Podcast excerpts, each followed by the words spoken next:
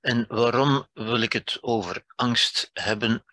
Wel, omdat angst in de menselijke evolutie, en u ziet hier de menselijke evolutie, in de menselijke evolutie en ook nu nog altijd gerekend wordt tot een van de grote, een van de belangrijke problemen van de mens, een van de belangrijke psychische en zelfs psychiatrische, maar in de grond eigenlijk filosofische problemen van de mens samen met depressie, burn-out, verslaving, trauma enzovoort. De grote, de grote onderwerpen van het menselijk lijden, zou ik zeggen. Ehm, ik begin eigenlijk altijd met dit plaatje, omdat hier een aantal dingen bij elkaar staan op een, een beetje een grappige manier, maar toch op een heel juiste manier in feite. en ook omdat ik deze lezingen over de, de grote problemen van de, van de mens eigenlijk zie als momenten, als mogelijkheden om na te denken over de mens, om juist te begrijpen hoe de mens leeft, hoe de mens is en hoe die problemen eigenlijk ontstaan. Want hoe beter men dat inziet, hoe beter men daar ook kan mee omgaan op een volwassen manier natuurlijk. En dit plaatje zegt over de mens, en de mens staat hier op het einde natuurlijk, hè, zegt dat de mens het eindstadium is, of het voorlopige eindstadium althans, van een lange evolutie um, die ongeveer 3,5 miljard jaar oud is. Dat is een hele tijd. Die in de oceaan ontstaan is, dat ziet u hier ook. En die op een bepaald moment uit de oceaan op het droge is gekomen. En dit moment is ongeveer 600 miljoen jaar geleden. Waar dat een, een ware uh, explosie van diversiteit, van allerlei soorten van leven heeft voortgebracht, wat uiteindelijk geresulteerd is in de mens. En de mens staat hier op het einde. De mens, dat zijn wij dus natuurlijk. en er staat nog iets heel belangrijks op. Namelijk al die levende wezens die ons in de evolutie zijn voorafgegaan, weten goed wat ze te doen hebben en zijn daar ook altijd ijverig mee bezig. En staat hier ook bij, ja, eten, overleven en reproduceren. En dat is eigenlijk voor allemaal een beetje gelijk. Ja. En daarmee zijn ze ook bezig, zijn ze goed bezig, zoals men dat uh, vaak zegt. En goed bezig zijn is natuurlijk een vorm van geluk. Die dieren, die, dat, dat leven, die levende wezens, kennen een vorm van geluk omdat ze weten wat ze te doen hebben. Ze weten waarvoor ze er zijn. Ze weten dat niet zo expliciet als het hier staat natuurlijk, maar ze weten dat impliciet. Het zit in hen ingebakken. Ja. En dat is eigenlijk het grote verschil met de mens. Want de mens uh, verschilt van de dieren niet zozeer in zijn lichaam, Alhoewel dat ook een verschil is, vooral het feit dat hij gekleed is natuurlijk, ja. Maar het lichaam van de mens gelijkt in, in, in grote mate, in hoge mate, op het lichaam van die andere dieren hier, ja, tot zeer ver terug in de evolutie. Maar het verschil is in zijn geest, namelijk dat wat u hierboven ziet. En de mens, wat hier ook staat, en dat is ook zo, is het enige dier dat niet zo goed weet wat hij te doen heeft, die zich eigenlijk staat vragen te stellen, die zich afvraagt, wat heb ik hier eigenlijk te doen? Ja? Wat is de zin, wat is de betekenis van dit allemaal, wat moet ik daarmee aan? En zo verder. Ja? Die vragen die de mens vaak kwellen, in feite. Ja? En die maken dat mensen soms, ja nee, soms, bijna altijd, eigenlijk ergens terug, nostalgisch terug verlangen naar dat simpele geluk van dieren, dat we ook bij kleine kinderen kunnen zien natuurlijk. En dat de mens vaak verlangt naar dat simpele geluk. Ja. Natuurlijk, dat, dat kan niet. De mens kan niet achteruit leven. Wij kunnen niet terug gaan leven zoals die dieren leefden. Ehm, en mensen denken soms ook, mensen zeggen zelfs soms dat die vragen hen achtervolgen. Ja. Dat is natuurlijk niet zo. Die, die vragen ontstaan in de mens. Het is de mens die zich die vragen stelt. Ja? Of althans, het is in de mens dat die vragen ontstaan. Ja? En de mens heeft daar niet altijd zo'n goed antwoord op. En dat, dat is natuurlijk vervelend. Hè? Dat maakt dat die vragen soms als kwellend gezien worden, als, als hinderlijk, als vervelend. En soms zegt men dan dat de mens te veel denkt, wat, wat ook niet waar is natuurlijk. Hè? Maar goed, daar kom ik allemaal op terug. Maar hier staan dus een heel aantal gegevens over de mens die essentieel zijn om de mens te begrijpen. Ja. Essentieel is dat de mens dat verleden ergens in zich draagt, ook anatomisch, ook in zijn lichaam, ook in zijn emoties, ook in zijn bewustzijn. En daar kom ik dadelijk op terug, natuurlijk. Maar dat hij daar toch niet meer helemaal mee samenvalt, dat hij toch een, een nieuw verschijnsel is in de, in de evolutie, een totaal nieuw verschijnsel, niet door zijn lichaam, maar wel door zijn geest, ja? door zijn bewustzijn en door het feit dat hij zich die vragen kan stellen uiteindelijk. Ja. Nu, ik kom daar dadelijk op terug. Dit plaatje toont hetzelfde, maar een klein beetje wetenschappelijker, zou ik zeggen. Ja. Um, wat u hier ziet is een klok van 24 uur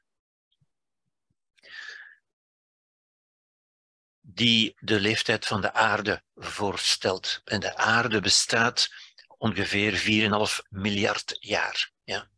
Hier staat 4,6 miljard jaar. Hier is het leven begonnen en het leven heeft zich langzaam ontwikkeld door de tijd heen.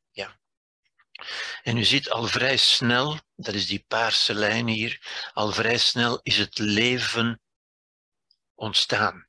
Ja. Ongeveer een miljard jaar na het begin is er al leven ontstaan. Leven dat heel primitief was, dat waren eencellige organismen. Ja. Eerst zonder cel, de prokaryoten, en dan met cel, een hele poos later. Dat, die, dat zijn die andere lijnen hier.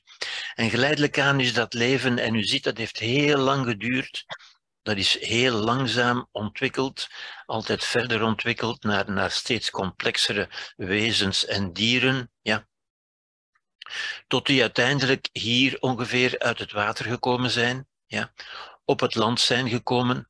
Dit zijn de landdieren, die, die groenachtige streep hier. Ja. Die bruine streep zijn de zoogdieren.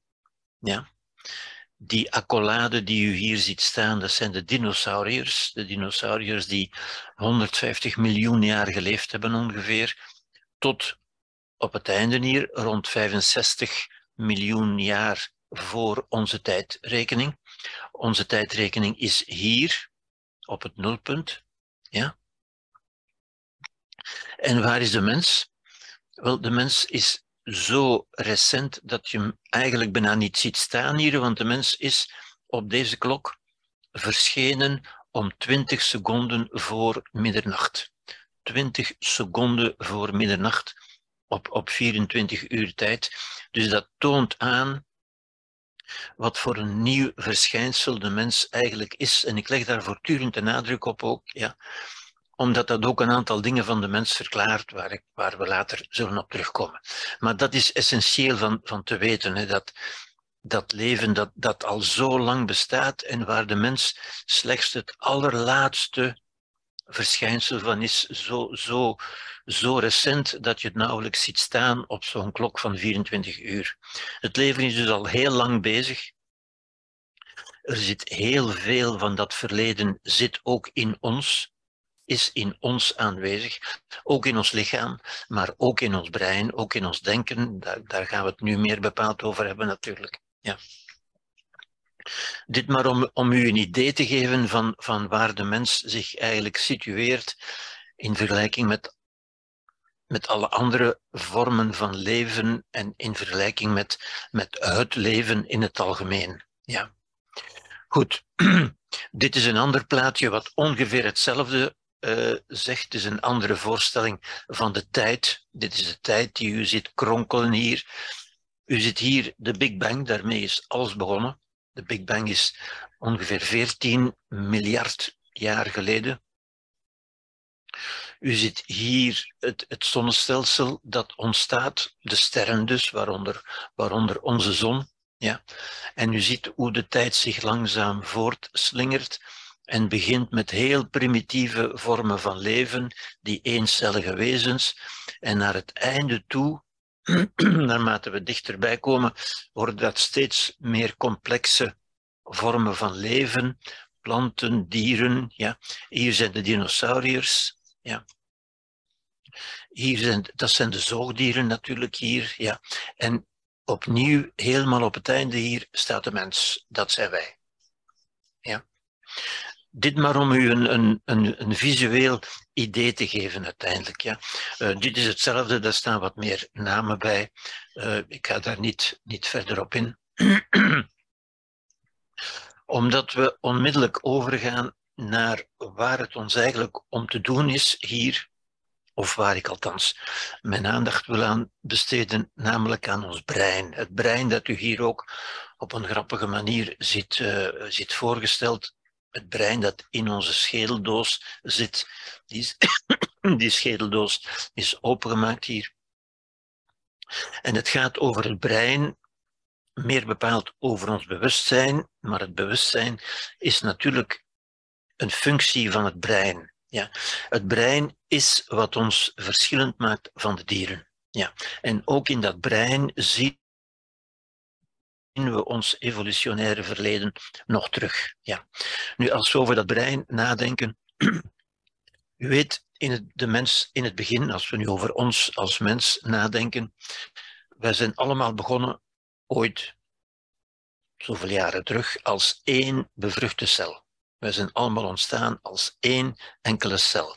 Ontstaan uit de samensmelting van een mannelijke en vrouwelijke cel tot één cel die het beginpunt is geweest van ons allemaal. Die de Big Bang is geweest van ons eigen leven, zouden we kunnen zeggen.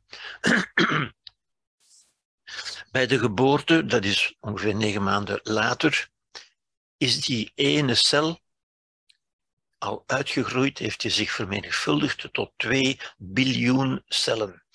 Een biljoen is een miljoen keer een miljoen. Ja, dus dat wil zeggen duizend miljard. 2 maal 10 tot de twaalfde, voor wie nog een beetje van, van wiskunde kent. Ja? Dus u ziet, dat is een ongelooflijke ontwikkeling, een ongelooflijke groei van één enkele cel naar 2 biljoen, 2 miljoen, miljoen cellen. Ja, dat is bij de geboorte. Als volwassene is dat ongeveer 40 biljoen cellen. Dat we zeggen nog eens 20 keer meer. Ja?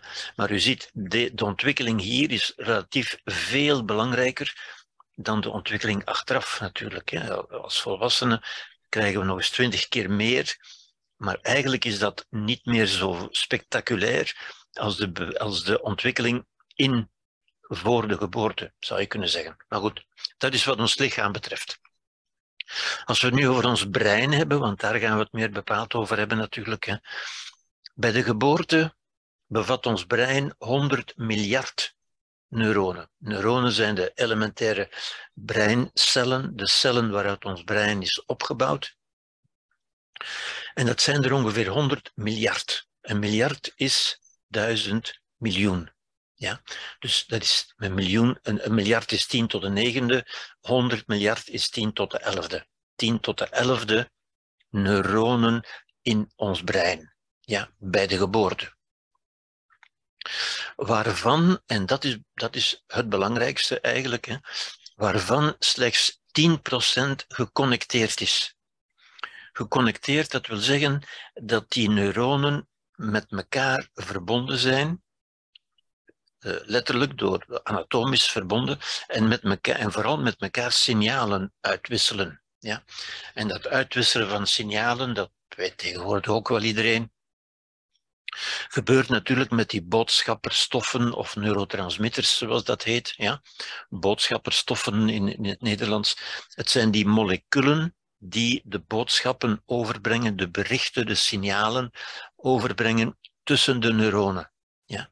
En eigenlijk is het brein één grote, verbonden, geconnecteerde informatiecentrum, zou je kunnen zeggen. Ja?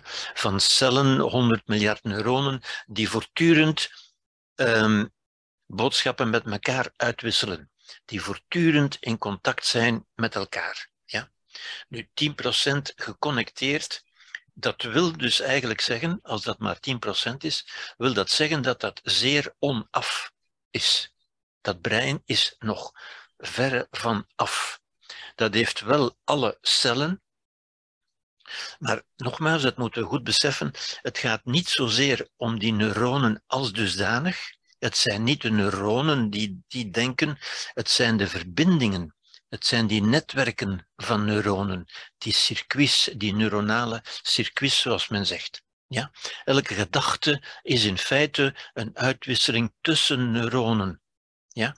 En gebeurt dus ook met neurotransmitters, met boodschapperstoffen. Nu, bij de geboorte is slechts 10% geconnecteerd. Dat wil zeggen dat er nog veel moet gebeuren, maar dat er ook nog veel kan gebeuren. En dus er gebeurt nog veel, althans in het brein, niet meer zozeer in het lichaam. Het lichaam is grotendeels af, zou je kunnen zeggen. U ziet van 2 biljoen cellen, dat moet nog wat groeien, dat moet wat groter worden, maar dat is essentieel af. Terwijl in het brein moet nog heel veel gecreëerd worden. Er moet nog 90% connecties gemaakt worden. En die connecties worden gemaakt onder invloed van de gebeurtenissen waar dat kleine kind doorheen gaat. En die gebeurtenissen worden, hebben invloed en beïnvloeden die connecties die gemaakt worden. En dat wil ook zeggen dat ons brein in grote mate gemaakt wordt, althans de, de connectiviteit, de verbindingen van ons brein, na de geboorte. Ja?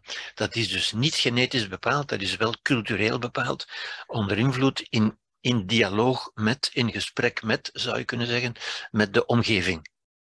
Ja? Op volwassen leeftijd heeft elk neuron 10.000 connecties. Ja? Dus je moet zich voorstellen, of je moet zich proberen voor te stellen, dat elk neuron op volwassen leeftijd verbonden is of, of geconnecteerd is, een, een, een, een uitwisseling heeft met 10.000 andere neuronen. Ja? Dat is een ongelooflijk complex systeem. Ja? Als u zich dat probeert voor te stellen, we kunnen ons dat eigenlijk niet voorstellen, maar 100 miljard kunt u zich voorstellen als, laten we zeggen, het aantal mensen op de aarde nu gaat naar de 8 miljard, maar laten we zeggen dat het 10 miljard is om, om af te ronden. Stelt u zich voor dat op de aarde op elke plaats waar één mens staat, er 10 staan. Dan bent u ongeveer aan 100 miljard. Dat is ongeveer zoveel als de neuronen zitten in ons brein. En probeert u zich voor te stellen dat elk van die mensen bovendien 10.000 gsm's in zijn handen zou hebben. En in gesprek zou zijn, in dialoog zou zijn met 10.000 anderen. Ja, wel, als u dat probeert voor te stellen, dat is natuurlijk niet voor te stellen, als u dat probeert voor te stellen, dan hebt u een, een, een ideetje van de complexiteit van ons brein. Ja, het is een, een onvoorstelbaar complex systeem waarvan, en dat moet ik benadrukken, 90% van de verbindingen, van de signaaluitwisselingen, van de informatieuitwisseling, van het denken dus, zoals wij dat noemen, ja, want denken is informatieuitwisseling, ja, um, na de geboorte is tot stand gekomen. Ja. Dat wil dus zeggen dat er in totaal 1 miljoen miljard verbindingen zijn. 10 tot de vijftiende. Voor wie nog een beetje van wiskunde kent, ja, 100 miljard neuronen is 10 tot de elfde, waarvan elk neuron 10 tot de vierde verbindingen heeft. Dat is samen 10 tot de vijftiende 10 tot de 15e macht, dat wil zeggen een 1 met 15 nullen daarachter, verbindingen heeft. Ja? Dat is quasi onuitputtelijk. Ja? Vandaar dat men, dat men ook zegt en dat men ook constateert dat mensen een vrijwel onbeperkt uh, leervermogen hebben. En leren is altijd, dat moet u goed begrijpen, leren is nieuwe verbindingen aanmaken. En wij kunnen op elke leeftijd nog altijd leren. Ja? Mensen leren op elke leeftijd nieuwe talen en nieuwe, nieuwe vaardigheden enzovoort, tot op hoge leeftijd. En ik zeg dat natuurlijk met nadruk, omdat het, het is wel zo dat wij op hogere leeftijd wat neuronen verliezen. Ja, en mensen doen daar dan dramatisch over, maar u ziet, er zijn er eigenlijk meer dan genoeg. Maar het is bovendien zo dat we wel neuronen verliezen, maar dat we winnen aan verbindingen. En nieuwe verbindingen worden gemaakt tot op hoge leeftijd. Ja. Een mens kan dus, een mens kan dus enorm veel leren. Nu, een mens moet ook veel leren natuurlijk, hè, want u weet, de mens is bij de geboorte zeer onaf. Onder andere, onder meer, vooral in zijn brein natuurlijk. Hè, dat we zeggen, de mens moet nog veel leren ook. En u weet ook, als we kijken naar de andere dieren in de, in de evolutie, Vele dieren die in de natuur geboren worden, moeten ongeveer een uur na de geboorte al kunnen meelopen met de kudde of ze worden opgegeten. Ja? Nu, hoe lang duurt het voor een mens kan meelopen met de kudde? Voor een mens aan de maatschappij kan afgeleverd worden? Wel, dat is niet, niet enkele uren, niet enkele maanden of jaren, maar dat is, dat is 20 jaar ongeveer. Ja? Tussen 20 en 25 jaar, voor je kunt zeggen, nu is die mens alles geleerd wat hij nodig heeft om aan zijn leven te kunnen beginnen. Ja? Dus je ziet het, het enorme verschil in feite, hè, wat, wat allemaal teruggaat op dat feit dat de mens een totaal nieuw gegeven is in de evolutie een nieuw gegeven en toch in de continuïteit met de evolutie van het leven. Ja? Goed. Waarvan dus, zoals we gezegd hebben, 90% na de geboorte gevormd. En 90% na de geboorte gevormd, dat wil zeggen geleerd, aangeleerd na de geboorte. 10% is geconnecteerd, en dat is wat nodig is om het leven zelf, het biologische, het lichamelijke leven te onderhouden voor, voor, voor, voor de hartslag en voor de longen en voor de bloedsomloop, om, om het, orgaan, het orgaan zelf, het lichaam zelf in leven te houden. Ja? Maar 90% is na de geboorte gevormd. Ja? En dat is natuurlijk de grote capaciteit van de mens, wat tegelijk ook het probleem is in feite. En daar gaan we het natuurlijk over hebben vandaag. Als men die verbindingen zou willen tellen, dus dat 1 miljoen miljard verbindingen, dus, dus een miljard is een miljoen, is, is duizend miljoen, dus een miljoen, een miljoen keer duizend miljoen, en een miljoen is duizend maal duizend, hè? dus dat wil zeggen duizend maal duizend maal duizend miljoen verbindingen. Als we die verbindingen zouden willen tellen en we zouden één verbinding per seconde tellen, dan zouden we 100 miljoen jaar aan het tellen zijn. Ja.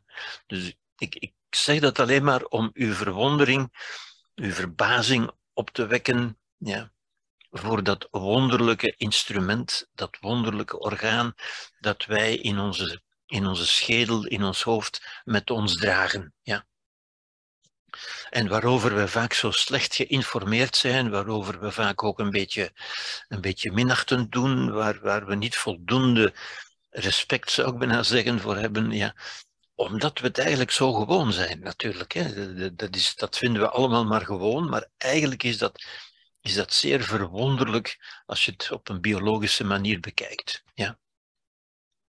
De maturatie van de cortex, zoals ik u net heb gezegd, de maturatie, de, de volwassenwording, de rijping van de cortex duurt tot circa 25 jaar. Dus u, moet eigenlijk zeggen, een mens is maar volwassen rond 25 jaar. Ja.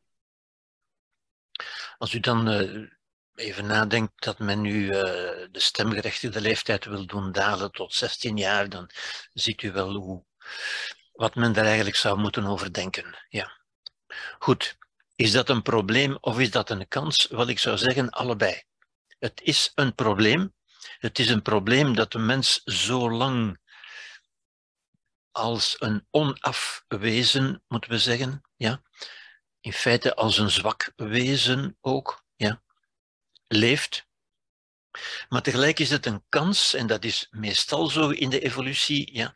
De evolutie gebruikt de kansen die er zijn, net zoals de mensen dat doen, ja, om daar zijn voordeel mee te doen. En het voordeel van de mens, het feit dat hij zo onaf is, het voordeel daarvan is juist dat hij zoveel kan leren. Ja? En dat we met name wezens zijn die cultuur maken, maar die ook wetenschap hebben ontwikkeld en, en filosofie en, en al die, die wonderlijke dingen die de mens heeft, uh, heeft tot stand gebracht. Goed, over het brein zelf. Dit is een oud uh, beeld van het brein wat de mens wat de mensen lang gedacht hebben over het brein, dat is niet meer, niet meer actueel. Men ziet hier die verschillende uh, dat hebben mensen wel tamelijk snel begrepen, dat die verschillende vaardigheden ergens in het brein, ergens iets met het brein te maken hebben. Ja. Maar dat is natuurlijk een oude, ja. Dit is een moderner beeld. Ja. En u ziet hier het brein, een, een zijzicht op het brein. Ja. Dit is de voorkant, de prefrontale cortex, die dus juist achter dat voorhoofd ligt. En tussen haakjes gezegd, dat, dat hoge voorhoofd is juist het typische van de mens ook. Ja, u, u weet bij, bij de apen bijvoorbeeld, bij chimpansees die het dichtste bij ons staan, die 99 en zoveel procent van, van hun genen gemeenschappelijk hebben met ons, ja, um, gaat het schedeldak boven de ogen vrijwel onmiddellijk achteruit omdat zij juist dat bovenste stuk van het brein missen. Um, mensachtigen, apen, primaten hebben natuurlijk een brein, maar niet het specifieke stuk van het brein dat het menselijk brein is. Ja. Als we dat brein naderbij bekijken en het met name, uh, dit is een tekening, waardoor het nog wat duidelijker is. Ja, u, u ziet die typische bewikkelingen, die, die golven, die gleuven en die windingen. Ja. En dat komt, dat heeft onder meer te maken met dat miljoen, miljard verbindingen natuurlijk. Hè. Dat, dat zeer grote oppervlak van het brein is op een, op een, op een uiterste manier samengevouwen en opgekruld, zou je kunnen zeggen, tot in, om, om in, ingeperst te worden in die schedeldoos, zou je kunnen zeggen. Ja. In feite is dit een enorm oppervlak, maar dat om, om in zo'n kleine ruimte te kunnen opgeslagen worden, helemaal opgevouwen en in elkaar gevouwen is wat dat typische uitzicht geeft. Ja.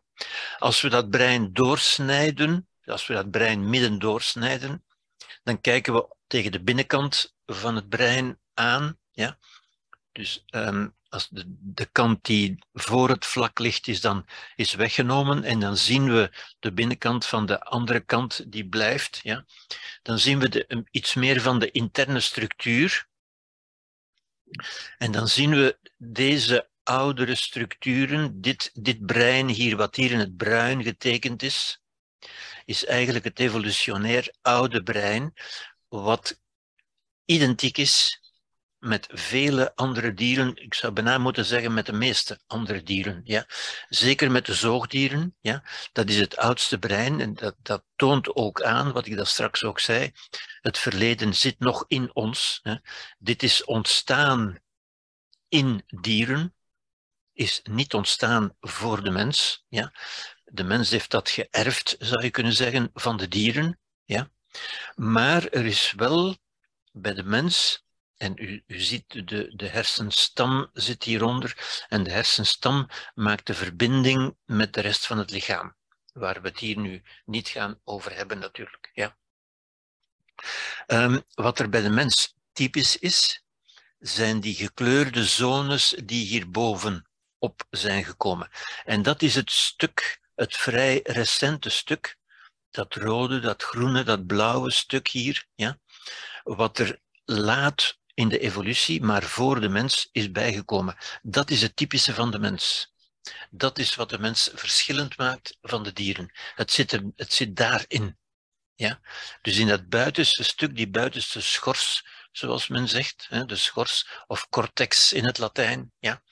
de, de cortex um, van, het, van het brein, die bovenop die oude structuren is komen liggen. En zo werkt de evolutie namelijk altijd.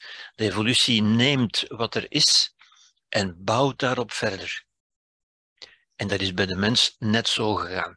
Vandaar dat bij de mens ook die twee belangrijke onderdelen aanwezig zijn, die, waar ik het voor de rest ga over hebben, namelijk die oude structuur en die nieuwe structuur, ja, die ik aangeef op deze manier. Dus dat is de oude structuur, eigenlijk een beetje groter, hè, al dat bruine wat u hier ziet, ja. En daarbovenop ligt de nieuwe structuur. Ik stel die zo schematisch voor, ja. En dat is eigenlijk al wat u moet voor ogen houden, wat u moet onthouden ook. Ja. En u ziet, die, dat, die scheiding is ook anatomisch in het brein nog aanwezig. Het zijn verschillende onderdelen die natuurlijk nauw met elkaar in contact staan, die verweven zijn, maar die toch verschillend zijn. En dus tot in ons brein kan men zien dat de mens opgebouwd is uit een evolutionair oud stuk waarop een evolutionair nieuw stuk is komen te liggen, in feite. Ja? Dus daar gaan we het nu in het vervolg over hebben. Dat is wat ik u wil, wil meegeven als, als basisideeën om van te vertrekken. Ja? Het brein dat dan vervolgens via de hersenstam die hier gaat, die naar beneden gaat en die verbinding maakt met de rest van het lichaam. Ja. Maar we gaan het hier vooral over het brein hebben natuurlijk, want dat is het typische van de mens. Dat is ook waar het, het, het innerlijke leven van de mens zich afspeelt natuurlijk. Ja. En ik begin met dat oude brein, want dat is wat de mens gemeenschappelijk heeft met alle andere dieren. Ja. En dat ook in ons nog altijd werkt zoals het miljoenen jaren in de evolutie gewerkt heeft. Ja. Namelijk, wat is de functie van dat brein? Waarom heeft de evolutie zich die moeite getroost, zou je kunnen zeggen? Waarom is dat ontstaan? Wel, u moet, u moet begrijpen, de evolutie gaat over overleven. Gaat over leven en blijven leven. Ja. Alles wat in de evolutie is blijven bestaan, wat wat ontstaan is en vooral wat blijven bestaan is, dient ergens voor het leven, om het leven te bevorderen, te bestendigen, te beveiligen. Ja? Dus als dat brein is zoals het is, is het omdat het een functie heeft gehad, omdat het een rol heeft gehad en nog heeft in de overleving. Ja. En hoe werkt dat? Wel, om te beginnen laten we dat oudste stuk eens bekijken, dat wat men dan noemt het, oude brein of het emotionele brein ook. Ja. Waartoe, of hoe, hoe functioneert dat? Wel, dat brein krijgt als het ware indrukken uit de buitenwereld, neemt dingen op, kijkt om zich heen, zou je kunnen zeggen. Ja, dat heeft ook verbonden met onze zintuigen natuurlijk. Hè. Dat kijkt om zich heen, kijkt, hoort, voelt, uh, tast enzovoort, ja, neemt kennis van de buitenwereld. Ja. Wat is er in de buitenwereld? Wel, dat zijn vooral beelden natuurlijk. Ja. Kijken wat er is. Het kijken is heel belangrijk. Ook het luisteren natuurlijk, maar het kijken is toch, is toch het, het, belangrijkste om een oordeel te vellen over wat er is om een antwoord te geven op de vraag: wat ga ik hiermee doen? Ja, wel in de buitenwereld en die indrukken uit de buitenwereld komen in het emotionele brein terecht, het oude brein of het emotionele brein. Ja, en worden daar verwerkt. Nu, dat verwerken, dat is dus het gebruik van die, van die miljoen, miljard verbindingen die ik daarnet heb gezegd. Ja? Dat we zeggen, daarover nadenken. Die informatie verwerken. En informatie verwerken, en dat is een heel belangrijk idee, dat is wat wij denken noemen. Het oude brein denkt ook namelijk het verwerkt informatie. Informatieverwerking is denken en alle denken is informatieverwerken. Als wij denken, dan denken we over iets wat ons overkomen is, wat er in de buitenwereld is, wat er nog zou kunnen gebeuren. We denken over iets dat we zeggen, we verwerken die informatie. Ja, aan de hand van beelden en van woorden. Nu, in het emotionele brein, in het oude brein, is dat denken, dat gebeurt zeer snel, om te beginnen. Ja. En mensen ervaren dat ook. Je ervaart ook dat je emoties heel snel kunnen opflakkeren, opvlammen bijna. Ja. Mensen kunnen dat heel snel merken, dat ze bijvoorbeeld kwaad worden of angstig worden, dat er een hele snelle emotionele reactie is. Nu, die emotionele reactie is een vorm van denken, dat is nadenken over wat er gebeurt in de buitenwereld, in de omwereld. Dat is dus informatieverwerking of denken. Ja, ik leg daar de nadruk op, want dat is een belangrijk idee ook. Ja.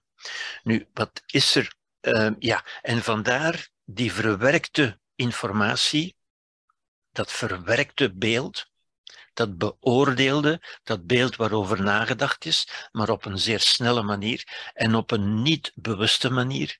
Wij ervaren dat niet als denken, maar het is wel degelijk denken. Ja?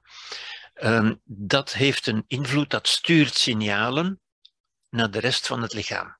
Uit het emotionele brein worden signalen gestuurd naar de rest van het lichaam. Waarom? Wel, om het mogelijk te maken van te overleven in de omgeving die men ziet. Dat denken is in feite een nadenken over wat moet ik hier doen in deze omstandigheid om te kunnen overleven. Wat moet ik doen? En het doen gebeurt altijd via het lichaam, natuurlijk. Ja? Via gewaarwordingen in het lichaam. Ja? Gevoelens noemen we dat ook. Ja. Maar dat zijn signalen die ons aanzetten om iets te doen. Ja? En dan begrijpt u, waar we al onmiddellijk aan toe zijn natuurlijk, hè, als, als u een bepaald, of als in ons, als ons oude brein, ik moet het zo zeggen,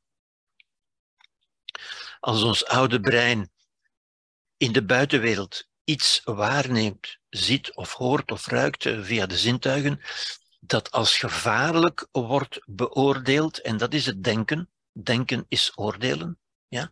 als dat als gevaarlijk wordt beoordeeld, dan ontstaat er een gevoel, een gewaarwording van angst in ons hele lichaam. En dit gevoel, die gewaarwording van angst, is in feite het oude brein dat ons lichaam klaarmaakt om iets te gaan doen om te blijven overleven. Wat is het signaal van angst? Angst zegt ons eigenlijk, hè, uh, zegt dat niet met taal natuurlijk, maar met gewaarwordingen. Dat is de gewaarwording, het gevoel, de intuïtie, zeggen mensen soms ook, hè, van ik moet gaan lopen. Maak dat je wegkomt. Ga lopen.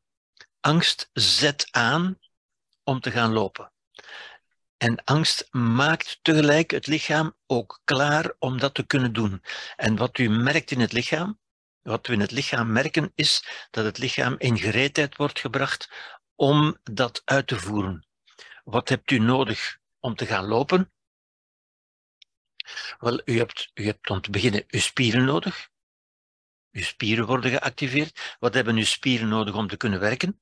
Zuurstof. Hoe komt zuurstof in de spieren? Via het bloed. Hoe komt het bloed in de spieren? Doordat het langs door het hart gepompt wordt naar de spieren. En dat is wat mensen ook voelen. U voelt dat uw hart begint te pompen, ja? begint te slaan, begint te, te werken, zou je kunnen zeggen. Ja? Waardoor, nota bene, mensen ook vaak denken lang gedacht hebben en soms nog denken dat emoties uit het hart zouden komen. Ja? Dat is natuurlijk niet zo. Het hart reageert. Het hart is een spier die reageert op de, op de signalen uit het oude brein. Ja? En dat hart begint te pompen, begint bloed te pompen. Er is ook zuurstof nodig. Waar komt die zuurstof vandaan? Uit de longen, uit de ademhaling. Mensen beginnen ook dieper adem te halen, te hijgen en zo verder. Soms hartkloppingen en zo verder. En al die gewaarwordingen vallen onder de noemer, kunnen begrepen worden als het lichaam wordt in gereedheid gebracht om dat te doen wat die emotie ons aanspoort om te doen, namelijk om te gaan lopen. Ja? Dat is trouwens zeer gelijkend met een andere emotie, die er sterk op lijkt overigens. Dat is de emotie van woede. Ja? Wat zegt woede u? Wel, woede zet ons aan niet om te gaan lopen, maar wel om te vechten. Om de ander te bestrijden, om te vechten. Ja? Nu, om te vechten heb je uiteindelijk hetzelfde nodig als om te gaan lopen. Dat we zeggen, je spieren, dat we zeggen bloed, dat we zeggen zuurstof. Dus de verschijnselen zijn grotendeels gelijk. Ja? En soms hebben mensen het ook moeilijk om dat te interpreteren. Ja? Want ons lichaam, eh, mensen zeggen dan, je moet naar je lichaam luisteren. Hè? En inderdaad, je lichaam probeert je iets te zeggen, zou je kunnen zeggen. Hè? Niet met taal, maar met gewaarwordingen en u voelt dat uw lichaam eigenlijk iets wil gaan doen.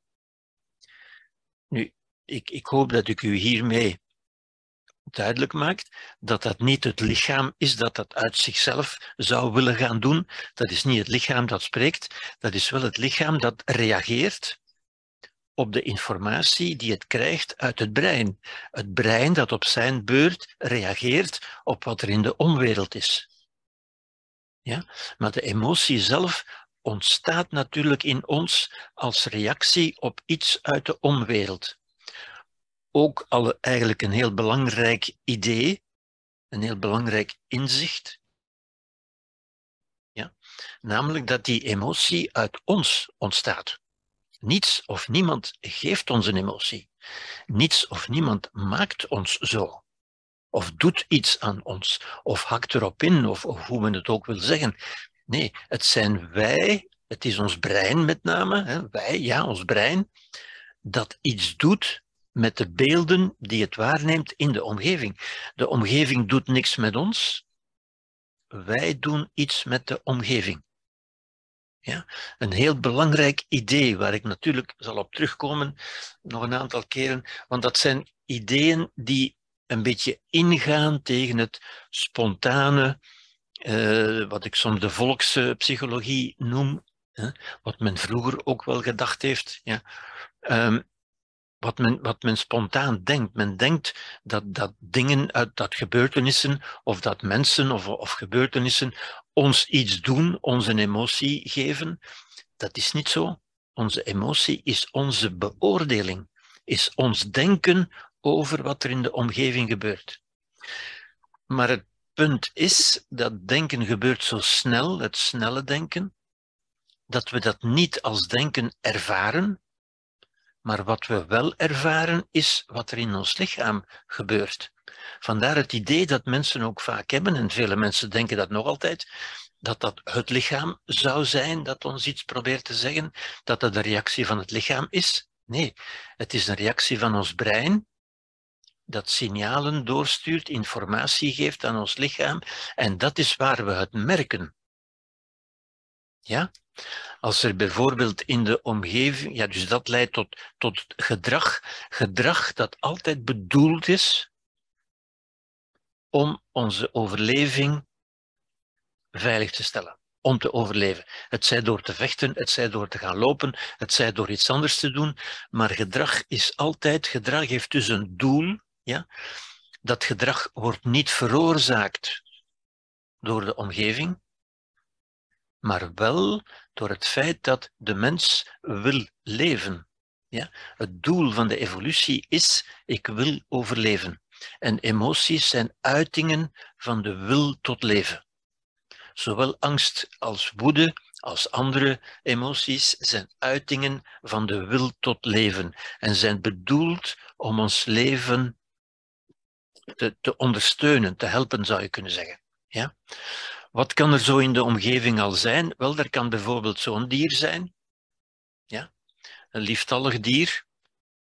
En u begrijpt natuurlijk, als, als een primaat, als een aap, dat soort dier ziet, dan is het belangrijk, als, een, als die dat waarneemt, is het belangrijk dat hij snel kan gaan lopen. En dat lopen is een manier om te overleven, is bedoeld om te overleven. Dat dier geeft geen emotie. Tijgers geven geen emoties aan apen of ook niet aan mensen. Ja.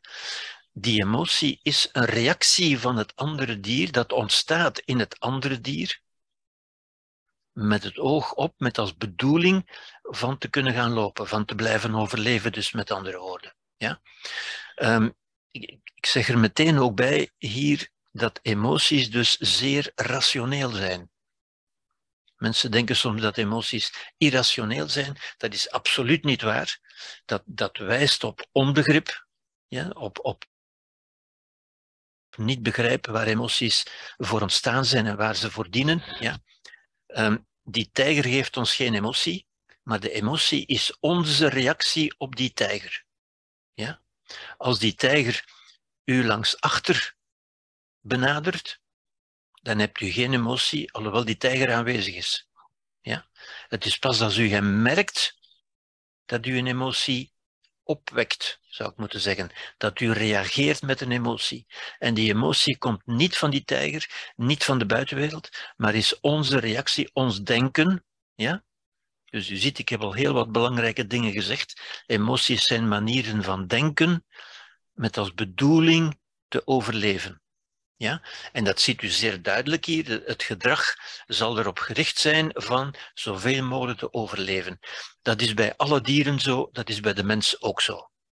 Ja? De bedoeling is van te gaan lopen, van in een boom te klauteren of, of wat dan ook, maar om in leven te blijven. Ja? Nu, wat kan er nog zijn? Behalve een tijger kan dat bijvoorbeeld iets zijn wat we trauma noemen. Ja? Een trauma is ook iets waar we van schrikken in de omgeving. Iets wat gebeurt, wat we niet, uh, niet gewenst en niet verwacht hadden en zo verder. Maar uiteindelijk doet ook die gebeurtenis niets aan ons. Ook wij zijn het die reageren op die gebeurtenis. Die gebeurtenis geeft ons geen trauma, doet niets, hakt er niet op in en zo verder. Wij zijn het, het is onze reactie die soms zodanig hevig kan zijn dat ze, dat ze invaliderend wordt, dat ze dysfunctioneel wordt. Hè. Dat kan zijn, ja, maar het blijft onze reactie. Ja. De gebeurtenissen in de omgeving geven ons geen emoties, geven geen stress, doen niets, die zijn er gewoon. Wij doen iets, het brein doet iets met de dingen die er gebeuren in de omgeving. Ja? Als u dat, dat besef, dat bewustzijn, leidt tot een zekere bevrijding, zou je kunnen zeggen. Als u dat begrijpt, dan, dan bent u bevrijd van een aantal, een aantal sociale clichés, zou ik bijna zeggen. Ja?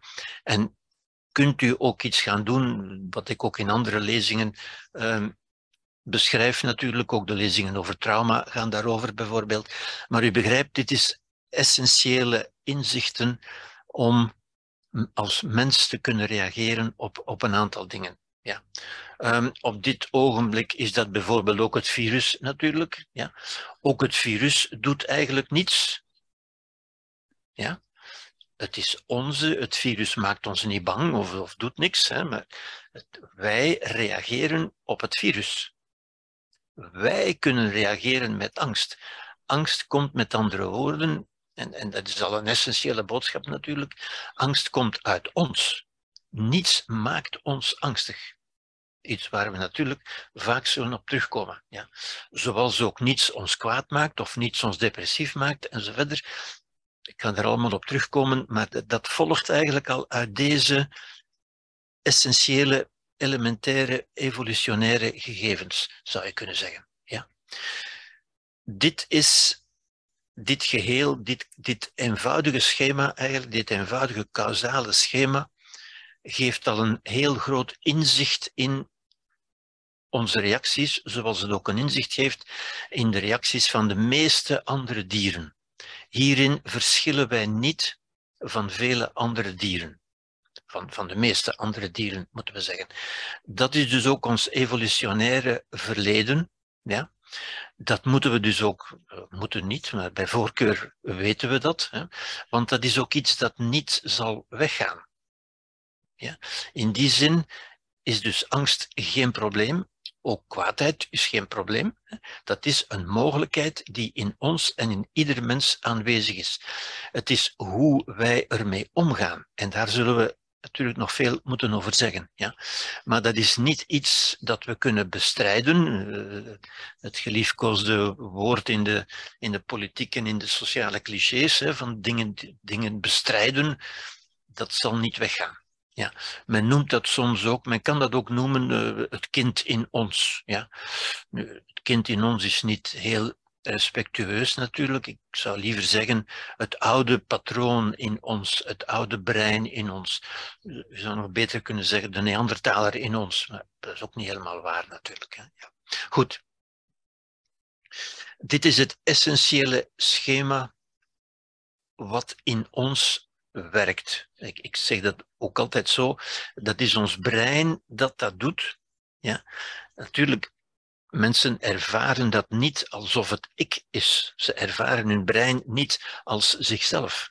En vandaar dat mensen vaak denken en intuïtief gaan denken. Ja. Dat ze zo reageren omdat de buitenwereld hen zo gemaakt heeft dat die hen kwaad gemaakt heeft of angstig gemaakt heeft. Ik hoop dat u nu al scherp begrijpt dat dat niet zo is. De buitenwereld doet niets met ons. Het zijn wij die iets doen met de buitenwereld. Ik kan dat niet genoeg herhalen, omdat dat zo contra-intuïtief is. Zo ingaat tegen de, de, de, sociale clichés die we voortdurend horen. Ja? Ook in de media wordt dat voortdurend gezegd en zo verder. Ja? Goed. Bij de mens is daar dit stuk bijgekomen. Nu komen we aan de mens. Tot nu toe, dus tot dusver, dit is in de mens aanwezig. Dat is een essentieel onderdeel van ons, dat we nooit kunnen wegdenken, dat nooit zal verdwijnen. Ja? Maar dat identiek is aan wat er gebeurt bij dieren. Ja? Dat verklaart meteen wat emoties zijn, dat verklaart ook het doel van emoties. Ja?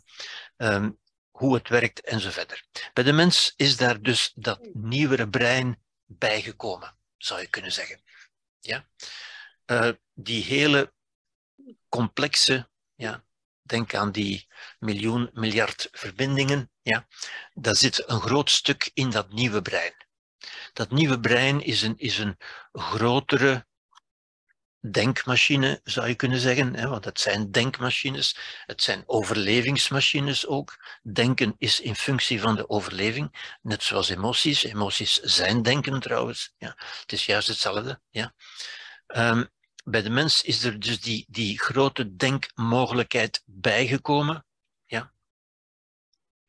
Wat een, enorm, een enorme nieuwe mogelijkheid is, maar wat ook tot problemen kan leiden en zal leiden. Ja? Wat gebeurt er namelijk in dat nieuwe stuk? Wel, dat nieuwe stuk, daarin zijn onze gedachten. Ja?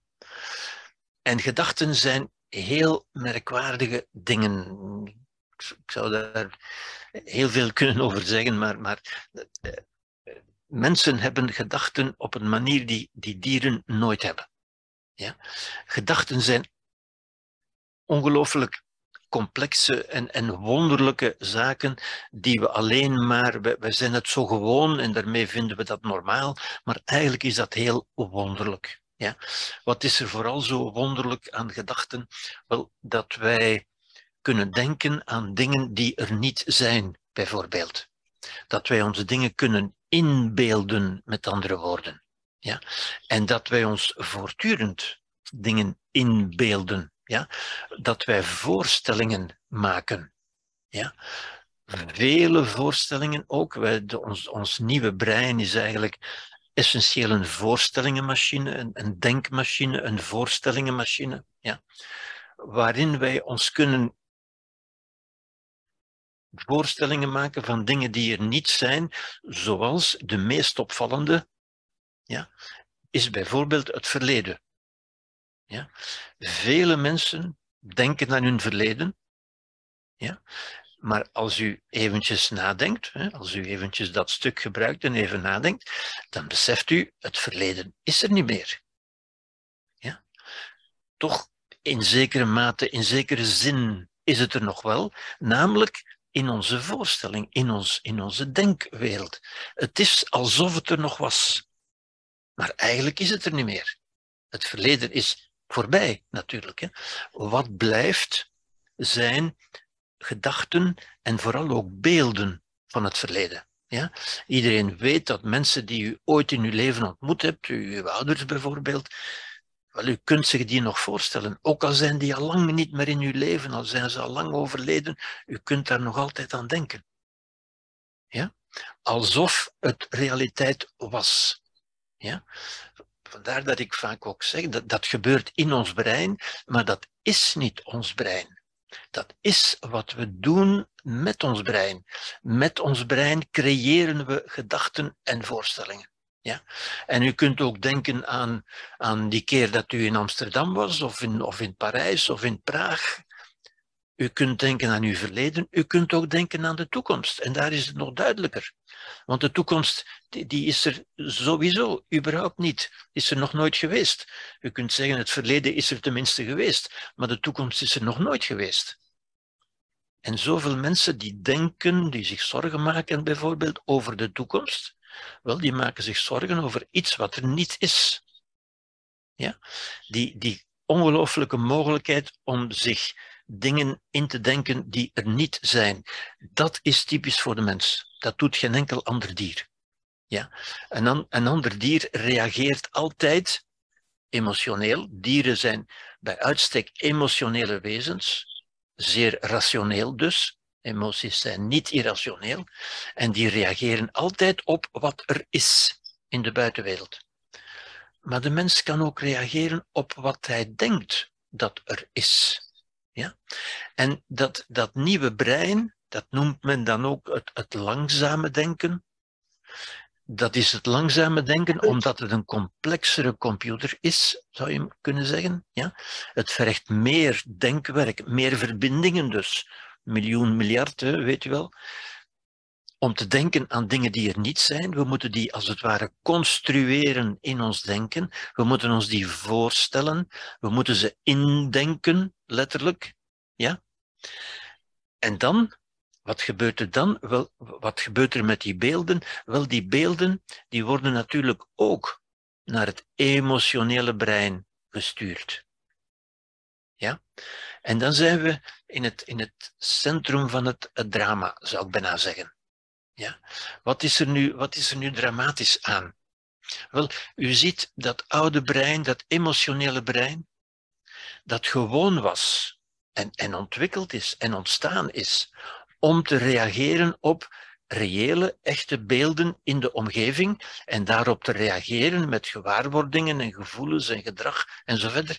Maar daar komt nu plots, ja, vrij plots toch, hè, komt daar een nieuwe bron van beelden bij.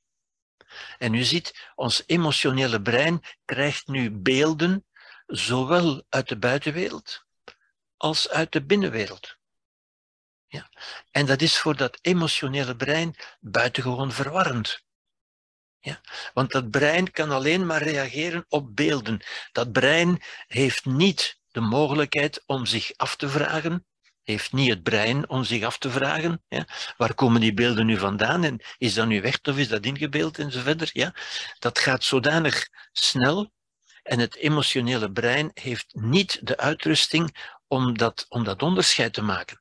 Dat, want dat heeft dat ook nooit moeten doen, dat, is, dat is niet voorzien.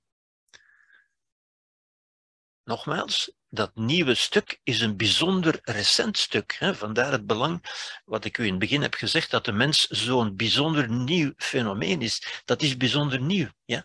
Dat emotionele brein heeft miljoenen jaren niks anders moeten doen dan beelden uit de buitenwereld verwerken en die omzetten in gepast gedrag. Maar nu komt daar plots allerlei beelden bij uit een nieuwe bron en dat emotionele brein weet vaak niet wat te doen.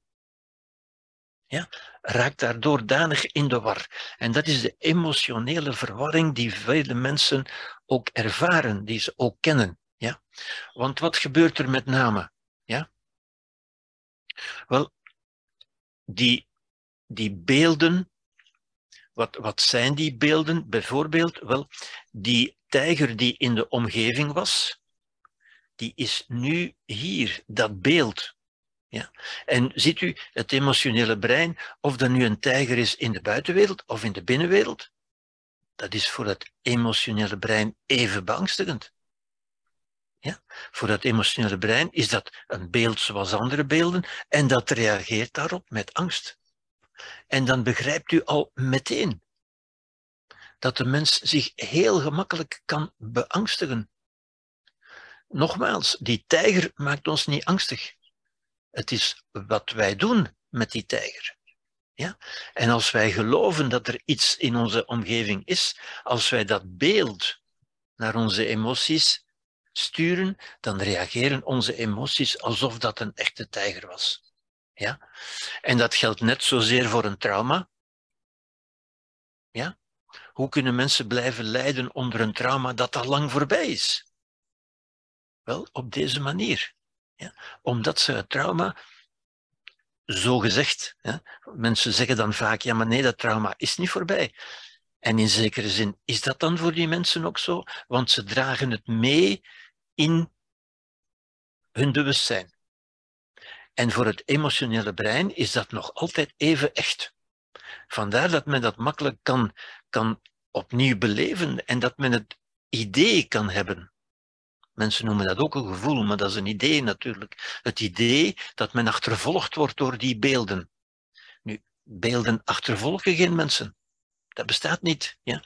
Maar er is wel het beeld dat we in ons brein, in ons bewustzijn, meedragen. En dat wordt door het emotionele brein gezien als even echt. En in feite kunnen we zeggen dat deze inbeelding voor de mens het meest echte is.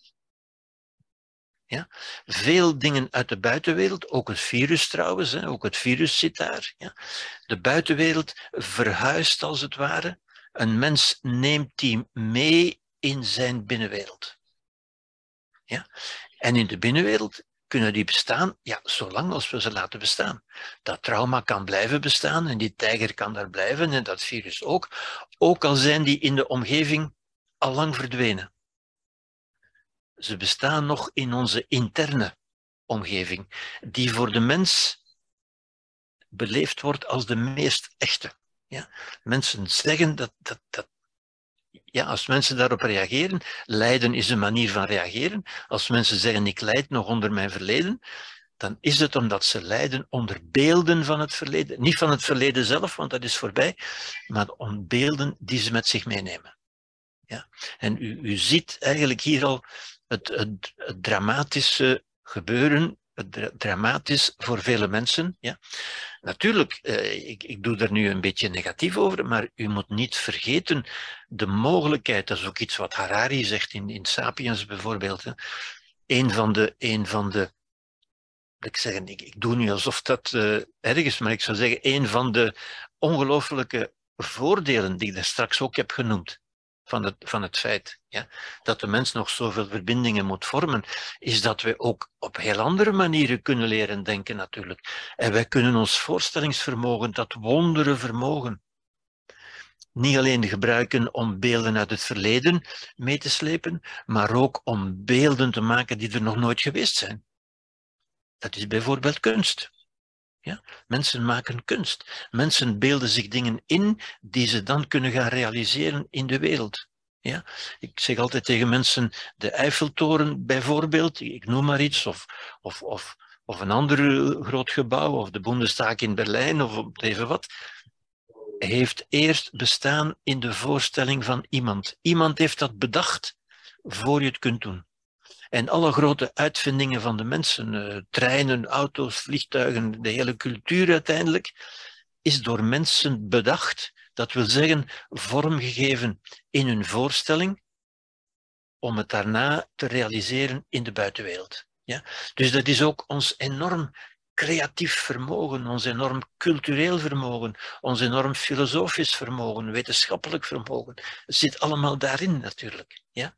Maar, zoals ik daarnet heb gezegd, we kunnen datzelfde vermogen, datzelfde apparaat, ook gebruiken om ons te blijven beangstigen met beelden uit het verleden, ook als dat verleden er niet is, of om ons te beangstigen met de toekomst, of om ons te beangstigen door gewoon met dingen die er niet zijn.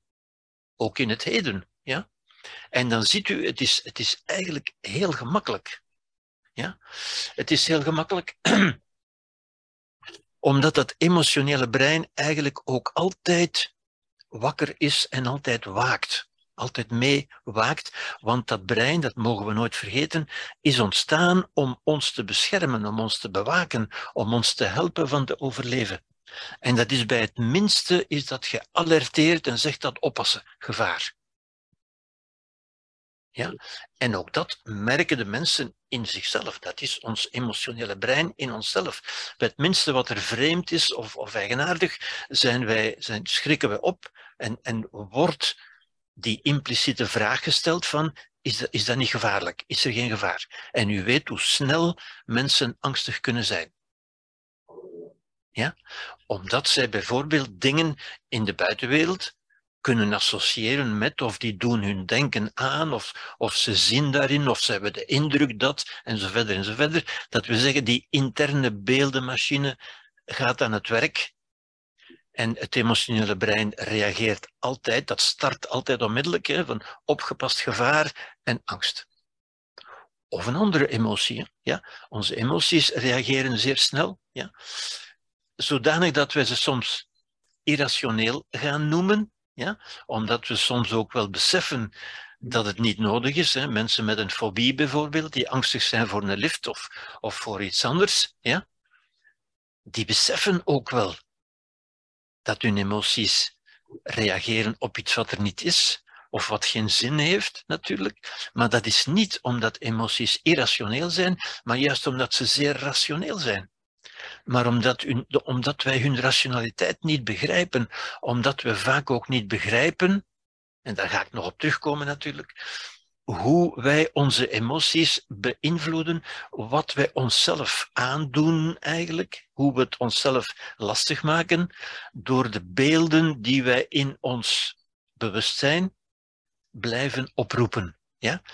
Alles wat wij hier doen, heeft een effect op de emoties. En heeft dus een effect op het lichaam. Ja? Het probleem is, of het probleem, ja, het probleem, ja, is dat we daar niet altijd zo bewust van zijn, dat we dat niet altijd beseffen, dat we niet altijd beseffen welke boodschappen we onszelf geven. Ja? Goed. Dit doet zich dus eigenlijk allemaal voor in ons hoofd, althans de, de oorsprong zit in ons hoofd, dit is ons brein opnieuw, hè? dat doet zich voor in ons hoofd, niet in het lichaam, niet in het hart of, waar dan ook, maar in ons hoofd. Ja. Maar dat stuurt natuurlijk altijd beelden of signalen, um, informatie naar ons lichaam. Ja. Dat gaat recto direct naar het lichaam. En wij hebben onmiddellijk, emoties reageren onmiddellijk. Dat wil ook zeggen, ons lichaam reageert onmiddellijk. Ja, met, met stress bijvoorbeeld. Stress is een van de eerste signalen dat er dat er een emotie is die iets wil. Ja? Angst of woede begint altijd met stress. Stress is het meest algemene uh, begrip dat we kunnen gebruiken om te zeggen dat is een, een spanning. Ja? Emoties zijn eigenlijk spanningen die ons iets willen doen doen. Het, het is een duw van binnenuit van doe nu dat. Hè? Ga nu vechten of ga nu lopen of zoiets. Ja? Oké, ik wil hier eventjes onderbreken.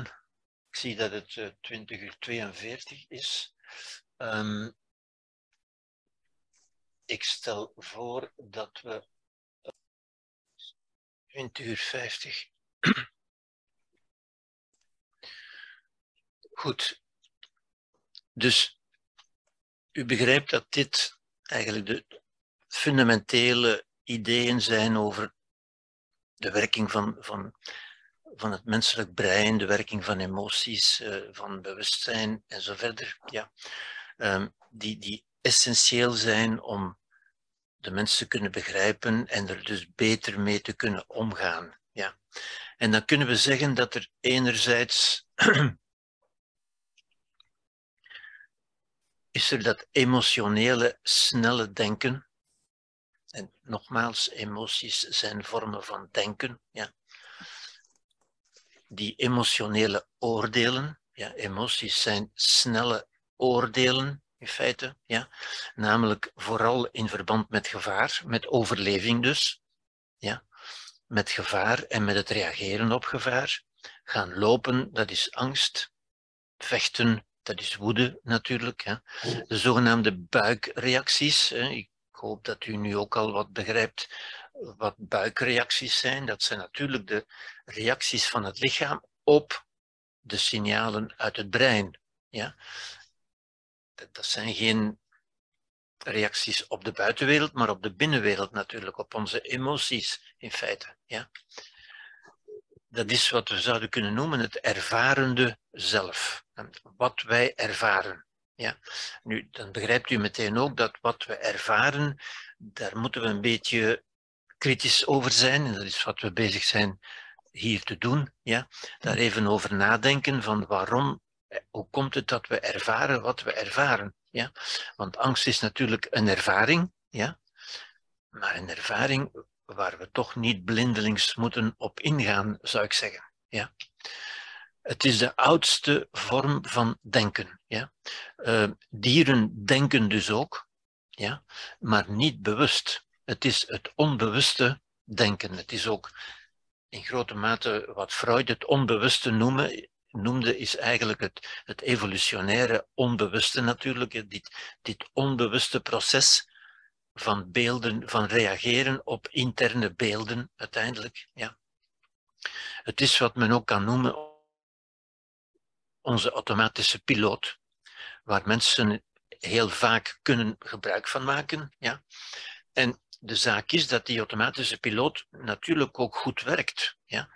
Goed werken waarvoor hij bedoeld is, namelijk om ons in leven te houden. Ja. Dat wil zeggen, als we een keer te veel bang zijn, of als we vaak bang zijn, dat is niet zo erg, want we overleven dan wel. Ja? Emoties zijn bedoeld om ons in leven te houden, of als we vaak kwaad worden of willen gaan vechten, zoals zoveel mensen gaan vechten tegen alles en nog wat. Uiteindelijk is dat niet zo erg, want je overleeft wel. Ja? Maar dan ziet u ook meteen, emoties zijn bedoeld voor onze overleving, maar niet voor ons geluk. Ja? En ze zitten ons vaak in de weg om gelukkig te zijn, maar daar zijn ze ook niet voor bedoeld. Ja? Gelukkig zijn, dat gebeurt op een andere manier, waar ik in andere lezingen op inga natuurlijk, maar dat is niet primair emoties. Ja? Um, de automatische reacties van de automatische piloot zijn dus fight, flight or freeze, of in het Nederlands um, vechten, vluchten of bevriezen. Ja? Bevriezen wordt vaak in verband gebracht met, met de depressieve reactie bijvoorbeeld. Ja? Dat wil zeggen, uh, bevriezen is bij, bij dieren in feite doodstil blijven zitten. Ja? Dat is niet passief, dat is niet slap worden, dat is niet gaan liggen, dat is doodstil blijven zitten in, met een zekere spanning met een zekere intentie ook. Hè. Dat is geen slapte, dat is een bewust zich heel stil houden. Omdat in de natuur, als u niet meer beweegt, is er veel kans dat een roofdier u niet zal zien. Want vele dieren zien hoofdzakelijk dingen die bewegen. Dat wil zeggen, als u niet beweegt, ja, dat, is ook zo bij, bij beren bijvoorbeeld, als u een beer tegenkomt, uh, het beste wat u kunt doen is van niet te bewegen. Want als u niet beweegt, is er veel kans dat die beer u niet meer opmerkt. En bij vele andere dieren is dat ook zo. Ja. En vele andere dieren, vooral jongen van dieren, hebben die spontane reactie in zich van niet meer te bewegen. Ja? Als jonge konijntjes uh, een, de, een, een arend in de lucht zien bijvoorbeeld, wel die bevriezen. Ja? Want dan hebben ze de beste kans om te overleven. Die kunnen nog niet vechten, die kunnen niet gaan lopen, maar die kunnen wel bevriezen. Ja. En dat doet de mens ook vaak. Ja, bevriezen. En men neemt aan, sommige mensen nemen aan dat depressie daarmee verband zou kunnen houden. Ja. Nu, dat is niet het onderwerp van nu. Dat leidt dus tot gedrag en tot gewoonten, ja, zodanig dat u kunt zeggen, dat we kunnen zeggen, gedrag en gewoonten zijn in feite gestolde gedachten. Dat zijn gedachten die omgezet zijn in een beweging. Ja? En dus die beweging, het gedrag wat wij doen, zegt ook iets over hoe er in ons gedacht is. En u ziet, dat is allemaal heel redelijk, heel rationeel. Ja, daar is niks irrationeels aan. Ja. Willen overleven is, is een hele rationele um, doelstelling, zou ik zeggen. Ja. Daarnaast is er dus die interne werkelijkheid, waar ik het al over gehad heb. Dus alles wat zich hier in, onze, in ons bewustzijn bevindt. Ja. Dat is dus niet in ons brein. U moet wel onderscheid maken natuurlijk, ik zal daar ook nog wel op terugkomen. Het bewustzijn is wat wij doen met ons brein. Het is niet ons brein. Ons brein is niet ons bewustzijn. Ja? Het, brein, het bewustzijn is wat wij maken met ons brein. Ja? Zoals we met onze spieren een tango kunnen maken, dat is wat we doen met onze spieren. Een dans is niet onze spieren, maar spieren zijn wel wat we gebruiken om een dans te maken. Wel, zo gebruiken we ons brein om bewustzijn te maken. Ja? Het brein is niet het bewustzijn, maar het bewustzijn is wel wat we doen met ons brein. Dat is in zekere zin, en ook dat vind ik een, een mooi beeld, onze flight simulator. Ja? En een flight simulator is een apparaat dat men gebruikt, dat gebruikt wordt om piloten te leren vliegen zonder dat ze in een duur toestel met passagiers moeten, moeten stappen en gevaar lopen voor henzelf en voor al die passagiers. Met andere woorden, het is een veilige omgeving waarin ze de nodige reflexen kunnen aanleren, de nodige gedragspatronen kunnen aanleren. En ook dat is net ons brein. Ja? Met onze voorstelling kunnen wij ons dingen voorstellen en ons voorstellen hoe we dat gaan doen, hoe we dat zullen oplossen in plaats van terug te kruipen in angst en te zeggen, nee, nee, dat mag niet gebeuren, ik wil niet dat dat gebeurt, kunnen we zeggen, als dat gebeurt, hoe ga ik dan reageren? En door dat te doen, creëert u de mogelijkheid in uw brein. U legt met andere woorden de noodzakelijke verbindingen al aan voor het zich echt voordoet. U kunt zich erop voorbereiden door erover te denken. Ja? En dan ziet u ook dat het natuurlijk helemaal geen zin heeft van mensen die zeggen van oh, daar wil ik niet aan denken. Ja? Hoe als mijn ouders zouden sterven, daar wil ik niet aan denken. Dat, is geen verstandige keuze, dat is niet wijs. De wijsheid is volwassenheid dus. Hè? Wijsheid is beseffen, mijn ouders zullen vroeg of laat sterven. Of ik dat nu fijn vind of niet, dat zal gebeuren hoe ga ik daarmee omgaan? En u kunt zich dat in uw, in uw flight simulator, in uw voorstellingsvermogen al indenken en u kunt zich voornemen hoe u zich gaat. Ja?